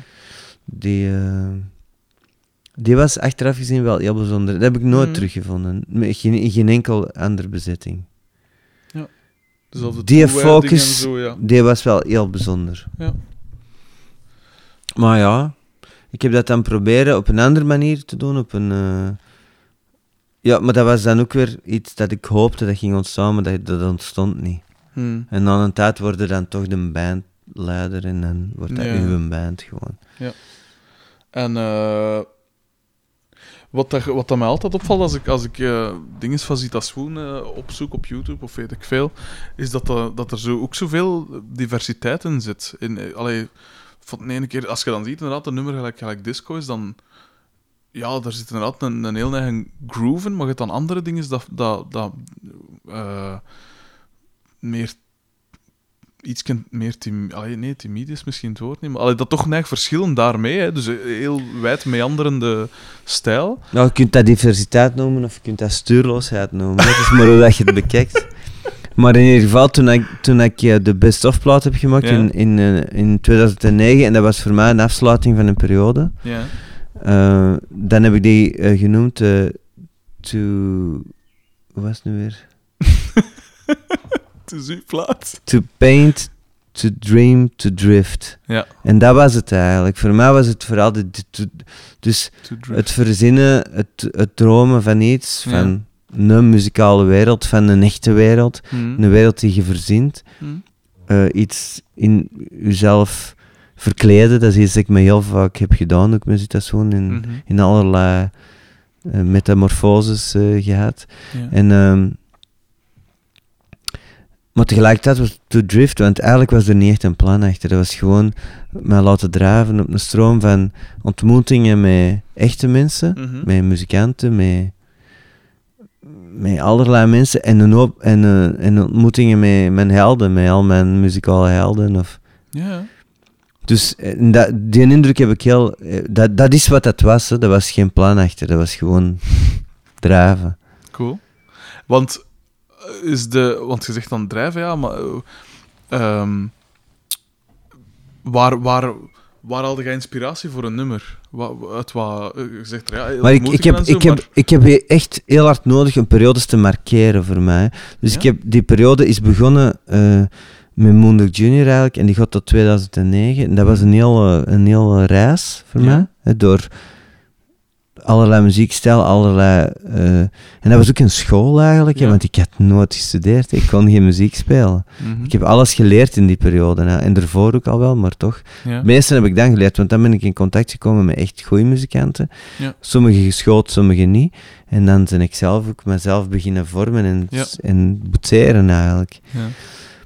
En dan in 2001 heb ik gezegd, nu is het genoeg. Nu ben ik dat 20 jaar aan het doen, dat is genoeg. Mhm. En nu wil ik eh, iets anders doen, wil ik op een andere manier gaan werken. Veel, veel georganiseerder, veel gefocuster op stijlen, op beslissingen, op artistieke beslissingen.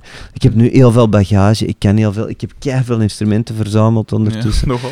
En, eh, en ik, ik kan er ook allemaal iets mee, met al die instrumenten. Mhm. En nu begin ik een andere periode. En dat is nu, er zijn al heel veel projecten geweest sindsdien. Ja. En nu, nu, nu werk ik op een heel andere manier. Met, nu ben ik, nu ben ik een, sch- een gescholen muzikant vanaf dan. ja. Dat was mijn opleiding, was toen gedaan. En hoe is dan de, wat is dan het verschil tussen nu een nummer schrijven en toen een nummer schrijven? Hoe, hoe, hoe komt dat tot stand? Hoe vertrekt er van, van tekst, vertrekt er van de muziek? En zo ja, begin de gewoon... Ik schrijf eigenlijk geen nummers niet meer nu. Hoe dat? Ik, toen was dat echt een focus van ik moet zoveel mogelijk schrijven, ik moet productief zijn en dit en dat. Mhm. Songs schrijven, dus met tekst een verhaal vertellen, ik doe dat nu bijna niet meer. Mhm. Ik doe dat nu alleen als ik echt, echt iets kwijt moet. Ja. En dat is heel, een heel groot verschil met vroeger. Want vroeger deed ik dat heel de tijd, dat was, dat was de opdracht. Ja. En wat ik nu doe, is af en toe eens een song schrijven, als ik iets te zeggen heb. Mhm. Dan gewoon ik ook veel, toen ben ik veel bewuster bezig met de poëzie, met de tekst, met dit en dat. Mhm. En, ehm, en voor de rest schrijf ik instrumentale muziek. Ja. En dat is een experimenteren met klanken en met... En ook weer een leerschool op een bepaald gebied, want we hebben ook eh, leren componeren nu, Mhm. echt. Componeren voor een heel, een heel arrangement schrijven, een heel compositie schrijven. Ja. Dat is iets dat ik nu ook doe. En eh, voor de rest ben ik heel veel bezig met klanken. Ik, ik, heb zo, ik verzamel instrumenten, zoveel mogelijk. Mhm. En, eh. Dat kan en ik. ehm, dat zijn allemaal klanken, dat zijn allemaal eh, eh, poorten tot, Ja, tot, tot een wereld. ja. En ehm, dus ja, dat is heel een tijd een zoektocht naar combinaties Mm. en zo. En, eh, nu ben ik een plaat met songs aan het maken. Nu, eh. Ah ja, want je, je, was daar juist dan nog die een hi-hat daar aan Ja. eh, dat is echt gewoon een songplaat. En, Ja. eh, maar ik heb net een plaat klaar, die, heb ik, die komt nu in september uit. We zitten Ja. zo'n groep, die hoort bij, ons, bij ons Dada-voorstelling. mhm. Dus nu maken we ook voorstellingen. We zijn ook veel breder gegaan Ja. dan muziek. Ik wou die wereld ook opentrekken naar andere disciplines. Ja, ja. Ik ben beeldend kunstenaar ook. Ik, ik teken al heel mijn leven. Ik schilder al heel mijn leven. Mhm. En eh, dat wou ik ook veel serieuzer gaan doen. Dat doe ik nu ook. Ik ben er nu echt heel focused mee bezig. Cool. En eh, dat staat ook op mijn agenda nu. Vroeger was het dat ik in een backstage deed. Nu, doe- nu, doe ik, nu trek ik er echt zes maanden vooruit om dat te doen. Weet je wel. Cool. En ehm, ja, gewoon op een bewuste manier. eh, ja, een veertiger. een, een, Uh-huh. ja, eindelijk ambitie zou ik zeggen. Ja. En eh, dus die, die nieuwe voorstelling daar, wat, wat voor iets moet ik me daarbij voorstellen? Dus eh, we zijn begonnen. ehm, we hebben, eh, ik had een filmpje gevonden op YouTube. eh, dat, eh, een, dat op zich al een reconstructie was van de eerste, of een van de eerste Dadaïstische voorstellingen in 1916 in Zurich. Mhm. Waar, de Dadaïsten, waar een aantal Dadaïsten Mhm. toen bij elkaar zijn gekomen op vlucht voor de Eerste Wereldoorlog, voor het geweld van de Eerste Wereldoorlog, in Zwitserland, in, wat een neutraal land was toen. En ehm, dus zij maakten daar eh, voorstellingen die. eh, en ze, ze, waren, ze waren op zoek naar een taal die, het, eh, die, die een reactie kon zijn op de absurditeit van dat gigantisch conflict Ja. van de Eerste Wereldoorlog. Van dat geweld van die Mhm. duizenden, tienduizenden, honderdduizenden jonge mensen die Ja. toen, ja, voor weet ik welk doel, voor de kanonnen en de bommen en, de, en, de, en de, het mosterdgas, mosterdgas Ja. werden geworpen. Ehm, en ze hebben dan een heel eh, absurde taal ontwikkeld, die eigenlijk ehm, een hele vreemde draai Mhm. gaf aan de, aan de, aan de begrijpbare communicatietaal, Ja. aan beeld, aan een destabiliserende taal eigenlijk ontwikkeld. Cool. Die, die heel dat, die, die een reactie was op, Ja. op, op, dat, op de retoriek van de politiek toen, die, die dat conflict Ja, ja. eh, warm hield. En, eh, Ja. en dat is een heel boeiende taal. In die tijd was dat extreem radicaal natuurlijk. Mhm. Dat werd niet altijd ehm, met open armen ontvangen. Mhm. Maar in retrospect, 100 jaar later, en met alles wat er ertussen gebeurd is op artistiek vlak, en qua conflicten ook, Ja. eh, is dat, eh, krijgt dat iets heel... ehm krijgen veel van die dingen iets heel charmant. Ja. Niet alles, wel niet, maar eh, sommige dingen blijven radicaal. Uh-huh. Maar dat filmpje juist had iets heel charmant. Dus het is een heel eenvoudige scène. Een scène in een klein eh, cabaretje. Een Mhm. achterzaaltje van een café was het toen. Dus een heel klein podiumje met een piano. eh, waar dan een aantal muurschilderingen zijn gemaakt.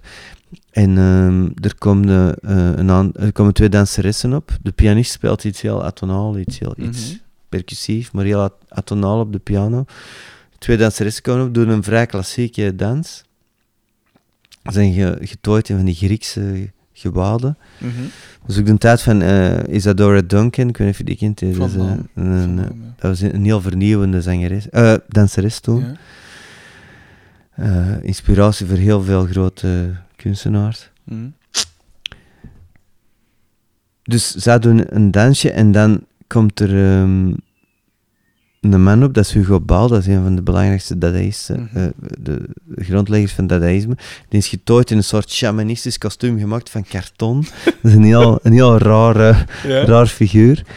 En, eh, en die citeert dan een van zijn soundpoems, Karawane. Ja. Ehm, dus dat is een, eh, een gedicht ehm, gemaakt van louter van klanken.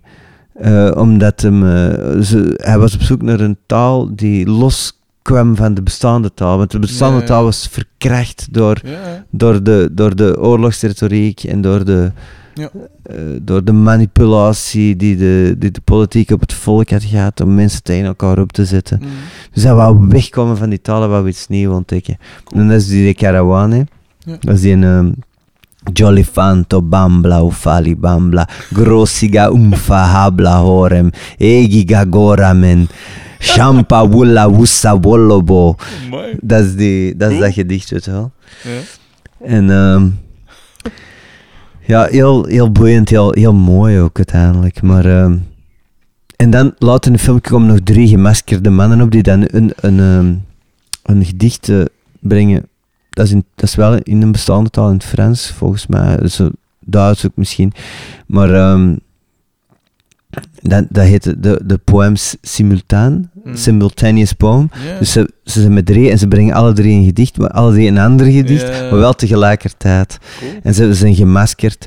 En uh, enfin, dat, is, dat is een prachtig filmpje, dat is super charmant. Dus als ik dat, dat duurt vijf minuutjes maar of zo.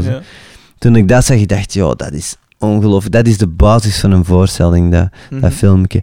Dus dan heb ik... eh, ehm, dan heb ik Jan Lauwers aangesproken van Need Company. Ik heb gezegd, ik zou dat graag doen en dat eerste voorstelling maken. Ik had dan hem gevraagd of hij ons wou eh, coachen. Mhm. En eh, hij heeft me dan in contact gebracht met twee dansers de, waar hij ook al mee had gewerkt. Dus Inge, Inge van Bruistegem en Misha Downing, een Engelse danser. En samen met hen en dan met de mensen van mijn groep hebben, hebben we dan dat filmpje volledig nagespeeld eigenlijk. Cool. Echt zoals het is. Ja. Dus we hebben echt letterlijk nagespeeld wat er gebeurt in dat filmpje. We hebben onze eigen muziek aan toegevoegd. Ik heb dan zelf maskers gemaakt. Die Ja. maskers heb ik dan gemaakt. In- want in analogie met de bestaande maskers. Ja. We hebben een aantal elementen toegevoegd, maar toch heel hard in de sfeer gebleven van de film. Dat hebben we gefilmd ook. Mhm. En dat was dan die ervaring, die taal die we dan hebben moeten aanleren eigenlijk, hebben we dan gebruikt als uitgangspunt voor eh, een heel voorstelling te maken. eh. Eh, later. eh, eh. en dan zijn we, ja, dan zijn we aan de slag gegaan met dat team. En zijn we ook een manier gaan bedenken van hoe gaan we die muziek brengen. Ik wou ook niet met een PA werken. Ik, dus ik heb zo'n hoop geluidseilandjes gemaakt met één speaker.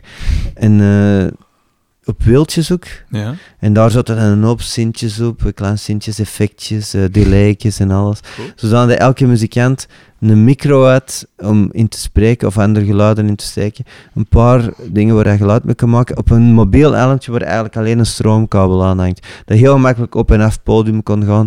Heel makkelijk het podium kon Cool. en alles. En zo heb ik zes eilandjes gemaakt en dan zijn we ermee aan de slag gegaan. Zijn we beginnen jammen en eh, eerst hier en dan later zijn we in een, in een grotere ruimte gaan werken. En dan zijn we er beweging in gaan betrekken. eh, en eh, ja, zo is die voorstelling ontstaan. Mhm. Heb ik ook heel veel maskers gemaakt nog en zo. En uh, Arig, met een drummer van Mondig Junior toen Ja, al, die zelf ook beeldend kunstenaar is. En die heeft ook heel veel dingen gemaakt. En met, met, met ons tweeën hebben we eigenlijk... En dan met al de andere mensen hebben we die voorstelling in elkaar gebokst. Als ik dat nu zo hoor, is dat wel niet... Allee, dat is niet, denk ik, niet gericht op een, op een, eh, op een groot publiek. Dat moet ook zeker niet. Ik ben de laatste om te beweren dat dat, dat, dat nodig is voor het een of ander. Anders zou ik hier ook nu niet zitten, trouwens.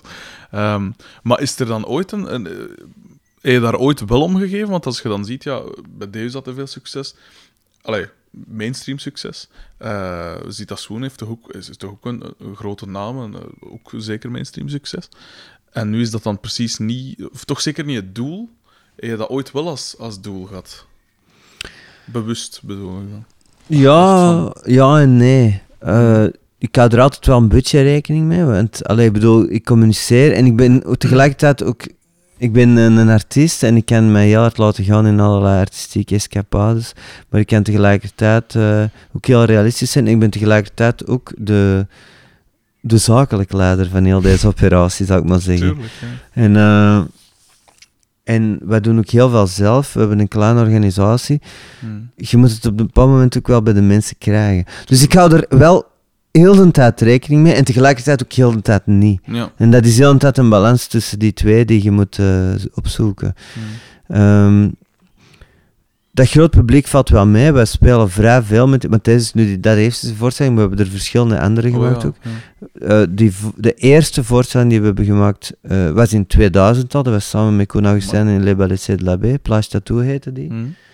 Dat was met twee dansers en drie muzikanten. Dat was Jespers, Bjorn Eriksson en ik. Mhm.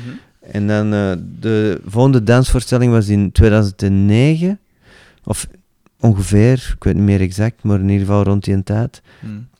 En dat was een samenwerking met Anne-Therese de Keersmaker. Ja. En met een danser van Rosas. En die voorstelling spelen we nu nog altijd. We gaan die in de zomer in, spelen we die in Oostenrijk twee keer. En, eh, dus die toert nog altijd. Ja. Maar dat is inderdaad, dat zit in een ander, op een andere manier in, Ja. de, in de wereld dan. ehm, dat komt minder in de media, zou ik Ja. maar zeggen. Maar er is wel een publiek voor. Hè. Er, Ja, is, nee, dus, er is een wereld. En we, we, we spelen er veel mee. Hmm. Dus, eh, dus zoek ik dat op? Ja en nee. Eh, ik zoek dat wel op. En ik ben, ook, ik ben me er ook van bewust dat dat belangrijk is. Hmm. Maar ehm, tegelijkertijd kun je er niet door laten leiden. Want Nee.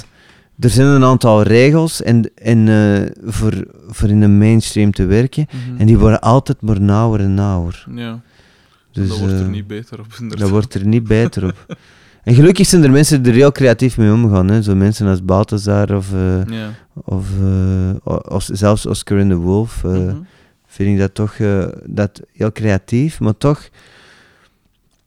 Dat is toch op een heel andere manier creatief dan dat, dan dat ik wil doen. Ik wil veel verder kunnen gaan dan dat. Dan alleen maar dat catchy riffje en dat catchy melodieken en dit en Ja, dat. tuurlijk. Dat is ook een uitdaging, want dat, dat is ook een kunst op zich om dat te kunnen maken. Zeker. Dat zal ik zeker niet ontkennen. Mhm. Maar eh, ik heb altijd geschikt om dat open te trekken. En dat was ook een van de dingen die we met Deus gedaan hebben. Mhm. Met deze en met Monarch Junior en zelfs met Zitasfoon. Maar vooral met deze denk ik is van... Te zeggen van, er kan hier heel veel. Ja. Ja, het is spijtig dat dat inderdaad niet meer zo Ja. toegejuicht wordt Ja. tegenwoordig. Ehm, iets anders nu, als jij eh, teksten schrijft, ehm, ten eerste begin je met een tekst of begin je met de muziek? En uw, uw teksten, gaat dat veel over, eh, hoe moet ik het zeggen, zijn dat heel persoonlijke dingen of zijn dat heel, of eh, refereer je naar boeken of films of... Allee, hoe, hoe zit Ja, vroeger was dat vrijwel altijd persoonlijk. Dat je- ik ging Mhm. altijd graven in mezelf en in mijn eigen leven. En, eh, Ja. Ik had ook veel eh, knopen te ontwarren. En dat heb ik ook lang gedaan. Dus muziek maken is therapeutisch, dat weet Absoluut. iedereen. Ja. Ehm, en dan kom ik op een bepaald moment in mijn leven dat alles wel. ehm allee, alles is in orde, zou ik nu niet zeggen, maar ik ben echt wel gelukkig, al lang. Ik, heb, ik ben al lang met, eh, met mijn vrouw, ik heb, een, ik heb een zoon, ik, heb, ik voel me goed, weet wel. Ja. Eh, ik, ben, ik ben veel bewuster, ik sta veel bewuster in het leven dan, dan vroeger. Mm. Maar, ehm, dus ja, de blik kan ook heel makkelijk naar buiten keren nu. Ja. Want je, je verstrekt van een stevige basis en ik kan naar buiten kijken. Maar, Maar dat wil niet zeggen dat ik niet af en toe naar binnen kijk, natuurlijk wel. tuurlijk. Maar veel minder dan vroeger. Ja. En ik heb ook veel minder, ik heb veel minder de behoefte van iets te, iets te vertellen. Het is daarom ik zeg, ik, ik schrijf al jaren geen songs meer. al sinds 2000, ik ben er al lang mee gestopt met songs schrijven. Ik ben er ook niet naar op zoek. Ja. Ik doe er geen moeite voor. Ik wacht totdat die song naar mij komt. ja. En nu heb ik er eindelijk genoeg bij elkaar om een plaat te maken. Dus nu ga ik een plaat maken. Maar eh, Lees je eigenlijk veel? Want gelijk met iemand dat heel erg eh, met cultuur en verschillende dingen bezig is, gelijk die dansdingen ook, en, en eh, ontwerpen en, en grafische dingen allemaal. Zij ook met boeken Nee. en zo? Nee. Ik, ik wil veel lezen en ik, en ik, en ik, ik, ik, ik, zou dat graag doen, maar ik gaat niet. Ik heb niet genoeg energie. Ik werk zo hard. Ja. Ik begin elke dag om 6 uur te werken, 's morgens, en ik werk zeker tot 7, 8 uur s'avonds. Elke dag. Al jaren en jaren.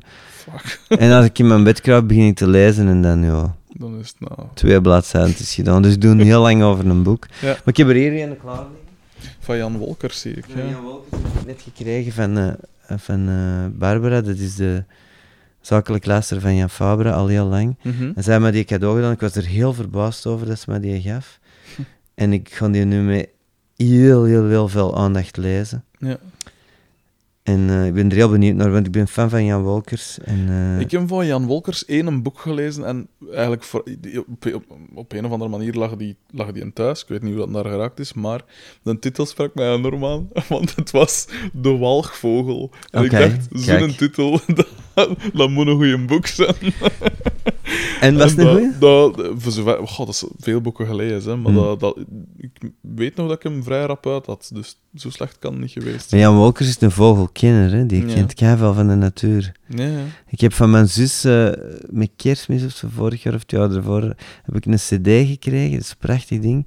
Dat noemt Alleen op een eiland. En dat gaat over een, eh, een reportage nou op, de, op een van de eh, Nederlandse radio's in, ik denk de jaren 60. Ja.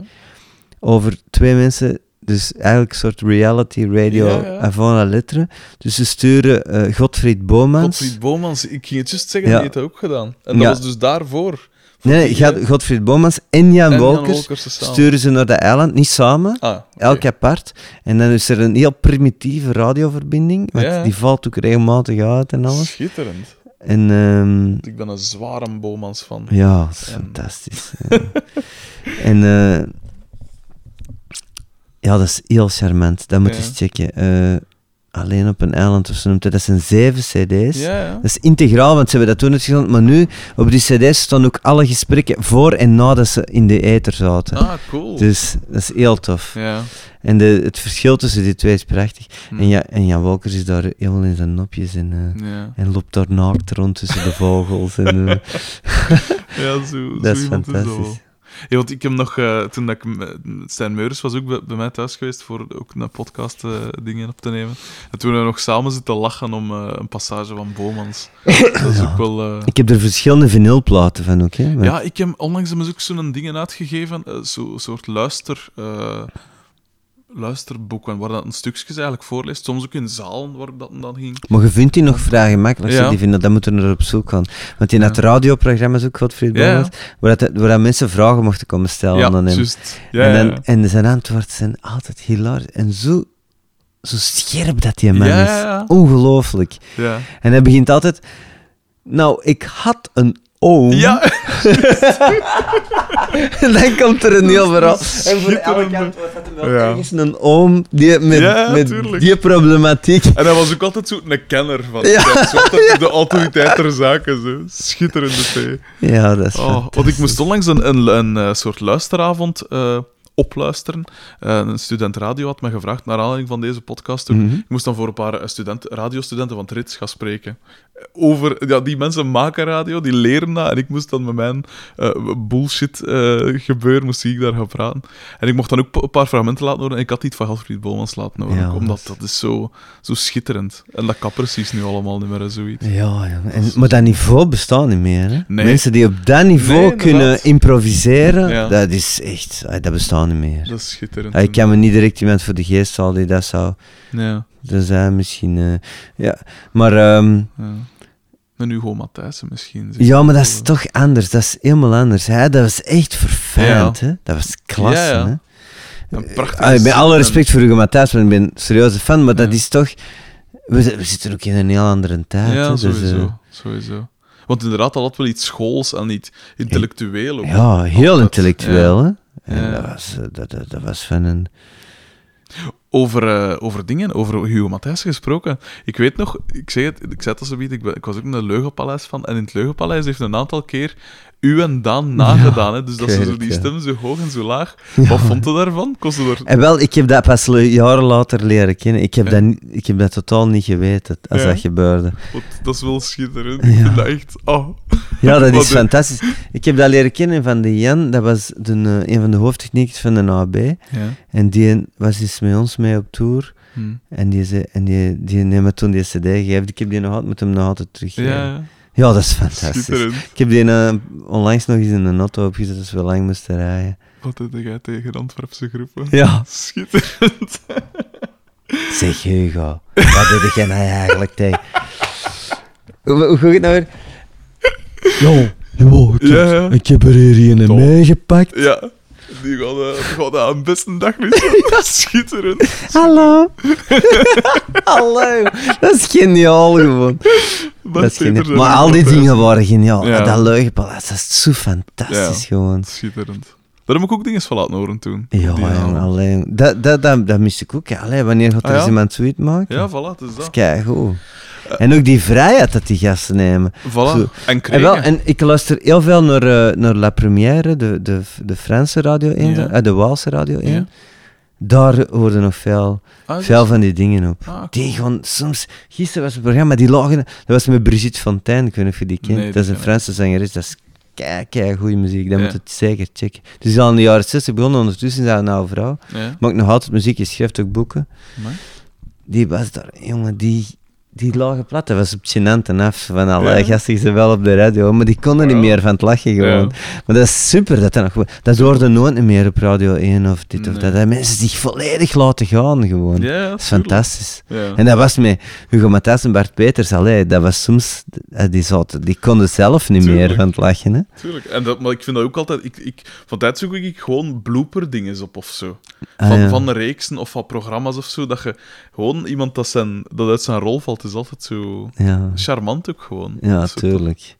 Eh, wat ik ook nog dacht te vragen, eh, want ik kan je niet te lang meer lastig vallen, Hm. want als je dan toch om zes uur s morgens begint, dan... Ja, maar, je ziet maar, maar mij stoort dat niet. Ehm, wat, eh, wat, wat was zij zo... En dat is een- weer een volledig ander, andere vraag, maar wat zijn zo je favoriete platen? Platen dat ik zeker eens moet checken? Je hebt er al een aantal genoemd, natuurlijk. Goh, Dingen jongens. dat ik zeker eens moet checken. En om te even welk genre ze. Dat jij echt zegt... Dat de Ja, ik, ik zal zeggen, ik Of ben... ehm, dan moet ik eens even recht staan, want ik ben er niet zo gefocust mee bezig. ik koop regelmatig platen, maar ik ben niet eh, zo aan het zoeken de hele tijd. Ah ja, oh ja, maar is niks. Ja. Wacht, nu, ik ben aan het liggen. Ik gebruik heel weinig muziek, omdat ik heel veel met muziek bezig zelf ben. Ja. Dus wat heb ik hier liggen bijvoorbeeld? Dat ik onlangs heb gekocht.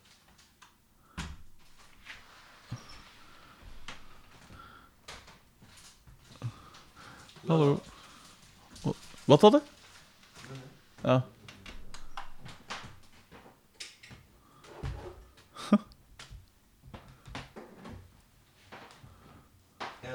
klein bier per maand? Oh, doe maar, ze. Allee. Je mag- je mag gerust praten, ze.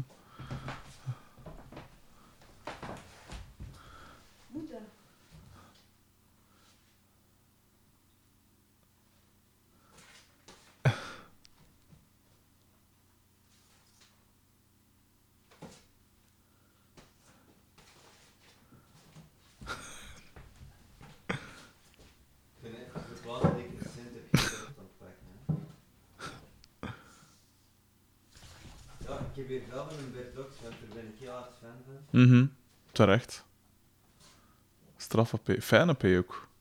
Want ik heb daartoe nog... eh, Ik heb nu maar een paar, maar er zijn er... Ja. Ik ook veel in mijn computer gekocht, zo, want ik koop ook veel op iTunes. Ja, tuurlijk. Oké, dus toch een, een handvol platen. Ja, dat zijn zo wat er is. Begin te luisteren. Dus. Dus dit, dit is al iets ouder. Dat heb ik nu onlangs op die ehm Heaven Hotel Nights gekocht. Mhm. dus het, het jubileum van eh, Rudy Trouvé's label. Dat is Franco San de Bakker. Dat is eh Elko Blijweert. Ja. Juist. ongelooflijke muzikant, vind ik. eh. Ja. Nog een betere groep van hem is... ehm kan ik er even niet op komen. Nee, niet Capsule. Dat is ook heel goed, man.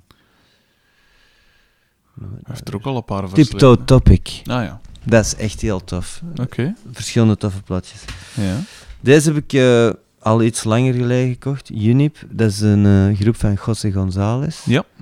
Dat is ongelooflijk, vind ik deze. Dat is meesterwerk op Oké. gebied van songwriting, van arrangementen, van inventiviteit met instrumenten, van keuze van instrumenten.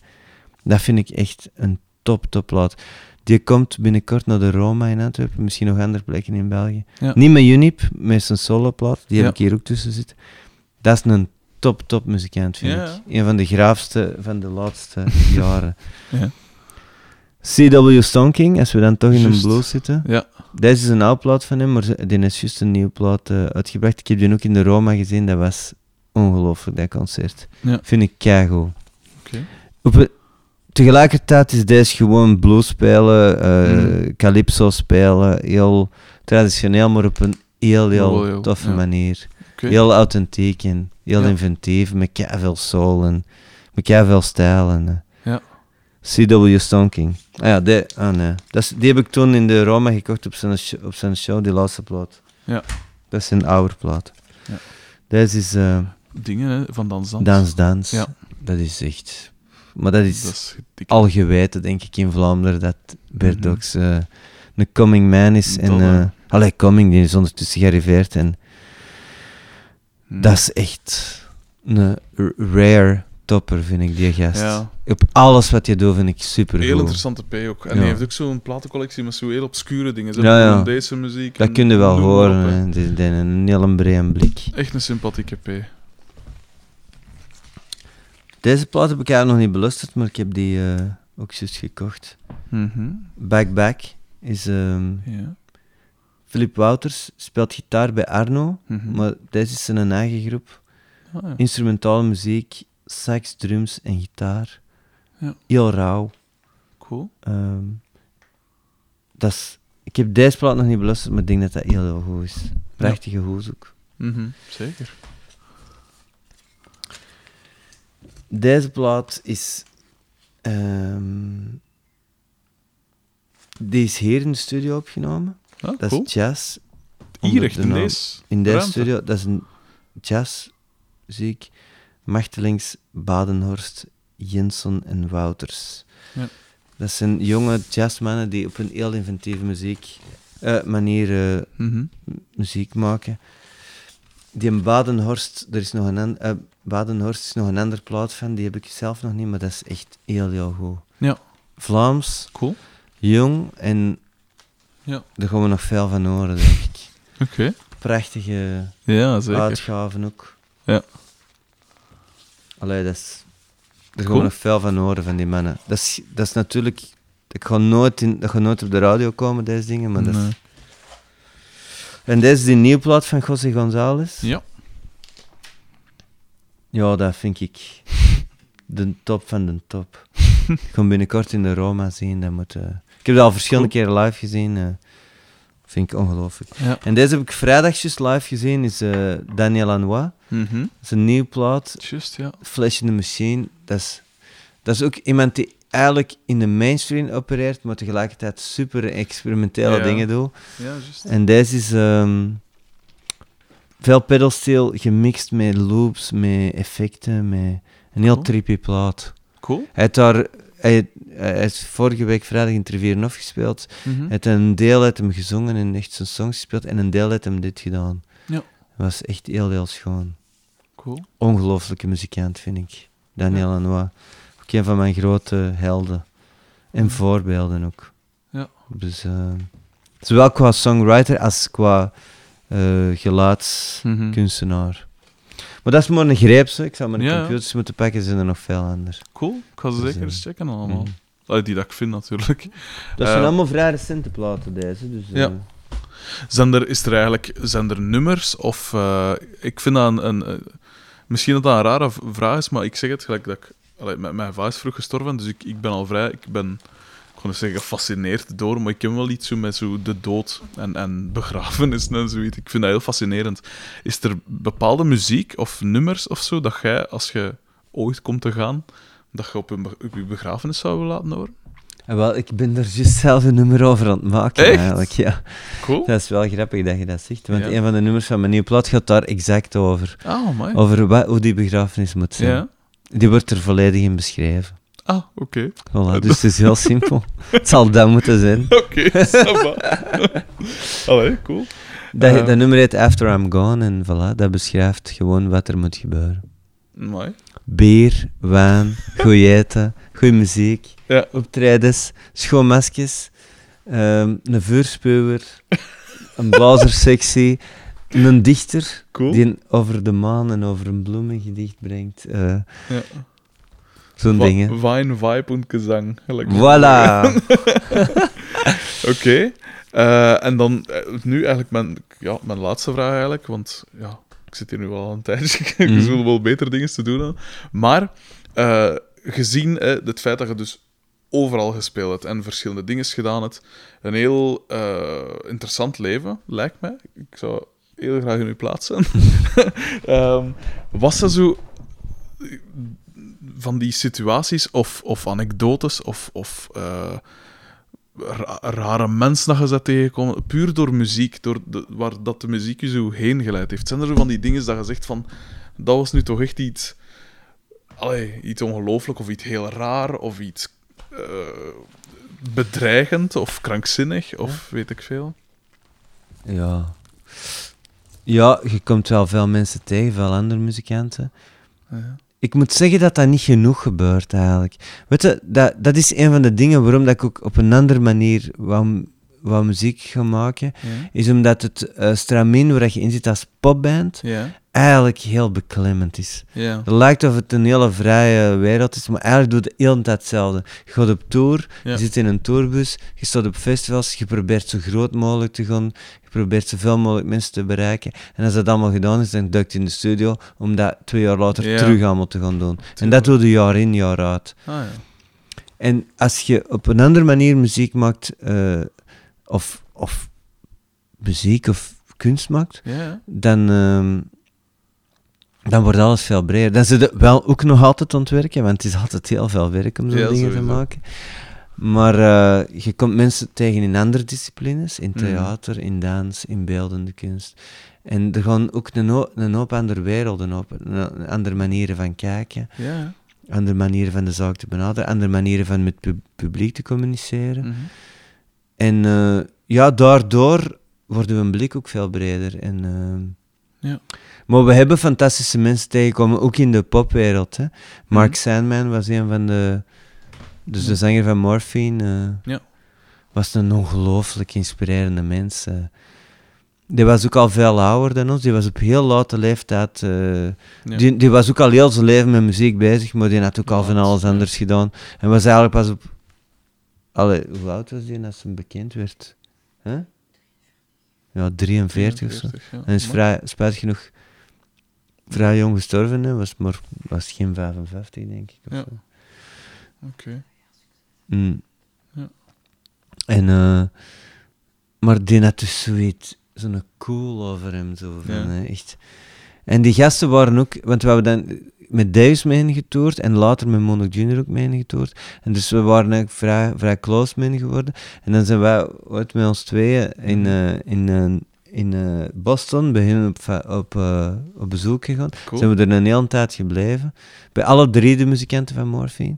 Dus bij Dana, de saxofonist, bij Billy, de drummer, en dan bij Mark zelf, Ja. die in Boston woonde in een loft. Mm. En eh, die organiseerde door jam sessies. Die had in het midden van die had zo'n grote loft. In het midden had hij zo'n heel klein studio gestaan. en er rond stond, dat was heel minimalistisch. Ja. En eh, die nodigde muzikanten uit om te komen jammen. Die nam alles op. Dus Cool. zijn- er, moet, eh, daar ligt schat aan tapes waarschijnlijk in. de- Mm. dus dat was echt heel boeiend. Ja. Ja, Laurent zegt juist, Jeff, Jeff Buckley was ook iemand die Ah, we dat ontmoet hebben. Dat was ook wel echt... Ja, daar was ik, ik was er persoonlijk volledig van ondersteboven. eh. Dat was echt... Maar ik was niet de enige, hè. Allee. Ja. Ja. Dat was een keer dat wij eh, met Deus speelden eh, op, eh, op, op Werchter. En wij Ja. kwamen van ergens in het buitenland. Mhm. En, ehm, en we speelden toen één nummer van die plaat, My Sisters My Clock. Dat was zo'n experimenteel plaat dat we gemaakt. En eh, de, eh, de Tom Pintus, die in mijn groep zat, die kwam toen juist voor dat één nummertje meespelen. maar, die, maar wij kwamen van het buitenland, dus, en hij kwam vanuit Antwerpen. Mhm. Dus eh, de, die was met onze manager toen. En ehm die had zijn Fender Rhodes bij voor mij te spelen. Mhm. En, en ik had tegen Tom gezegd, zou ik die wel genomen, de auto, maar uiteindelijk bleek dat te zwaar. Ik ben die, die Rhodes uit zijn auto aan het sleuren, voor die naar het podium te brengen. En Jeff Buckley, die, die wandelt voorbij. Die was toen nog niet zo super bekend. hè. Die Mhm. was wel upcoming, maar... eh, hij zegt, hey man, you need a hand with that Rhodes. en dan... eh, en dan zijn we Sam, hebben we Sam die op het podium gezet. Ja. En dan, eh, ja, zo, zo aan het babbelen en zo. En die speelde vlak na ons op het klein podium, kun je je voorstellen? Wij stonden op het groot podium. Aha.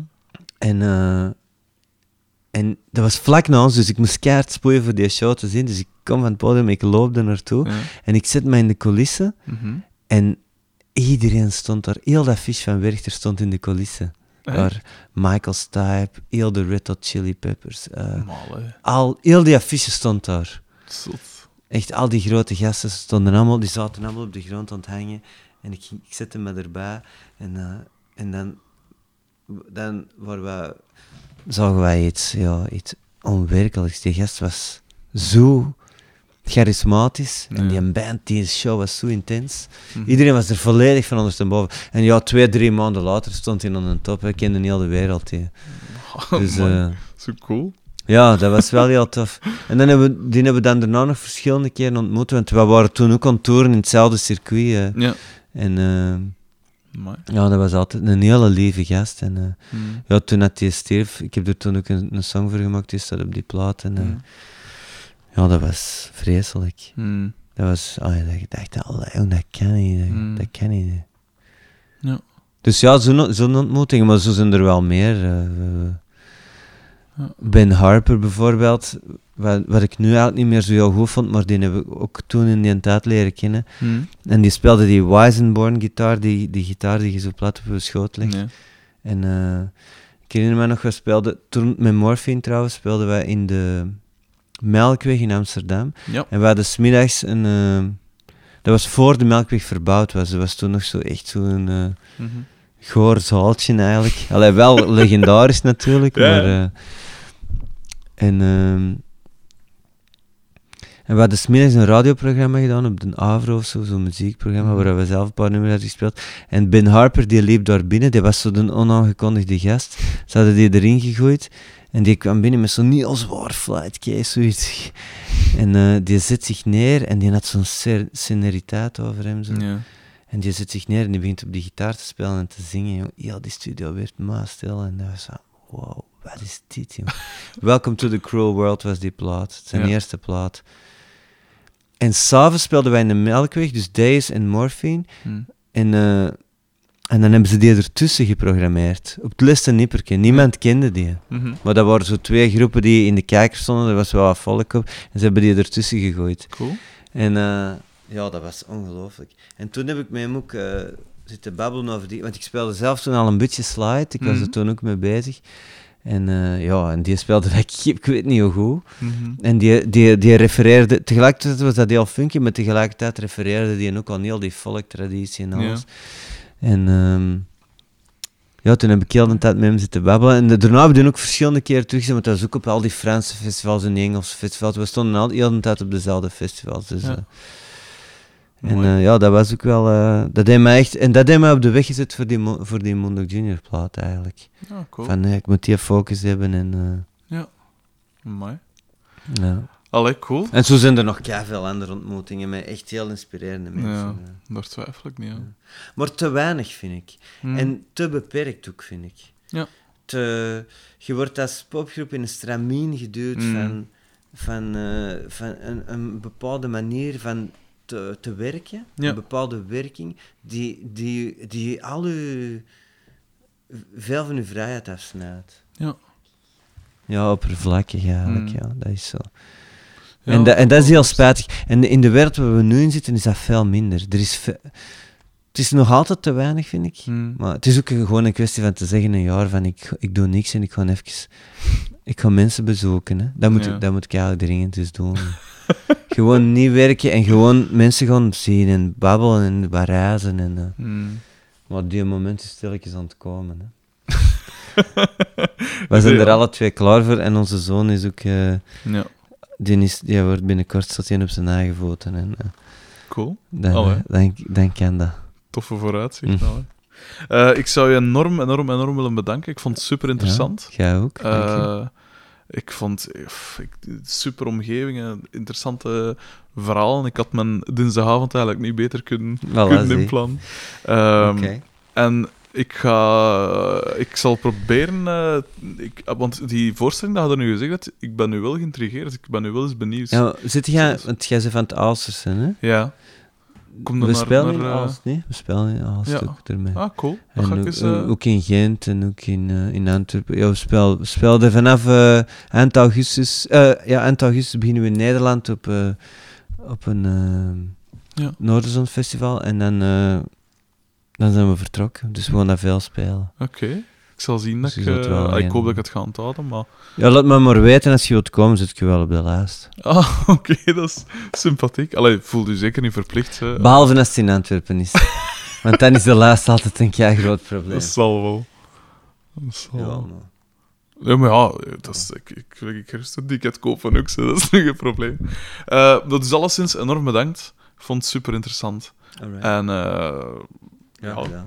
Tot, tot nog eens zeker. Ja. Dat is graag. Binnen een paar jaar is er bij dingen maar te praten. Dat is wel voilà. super.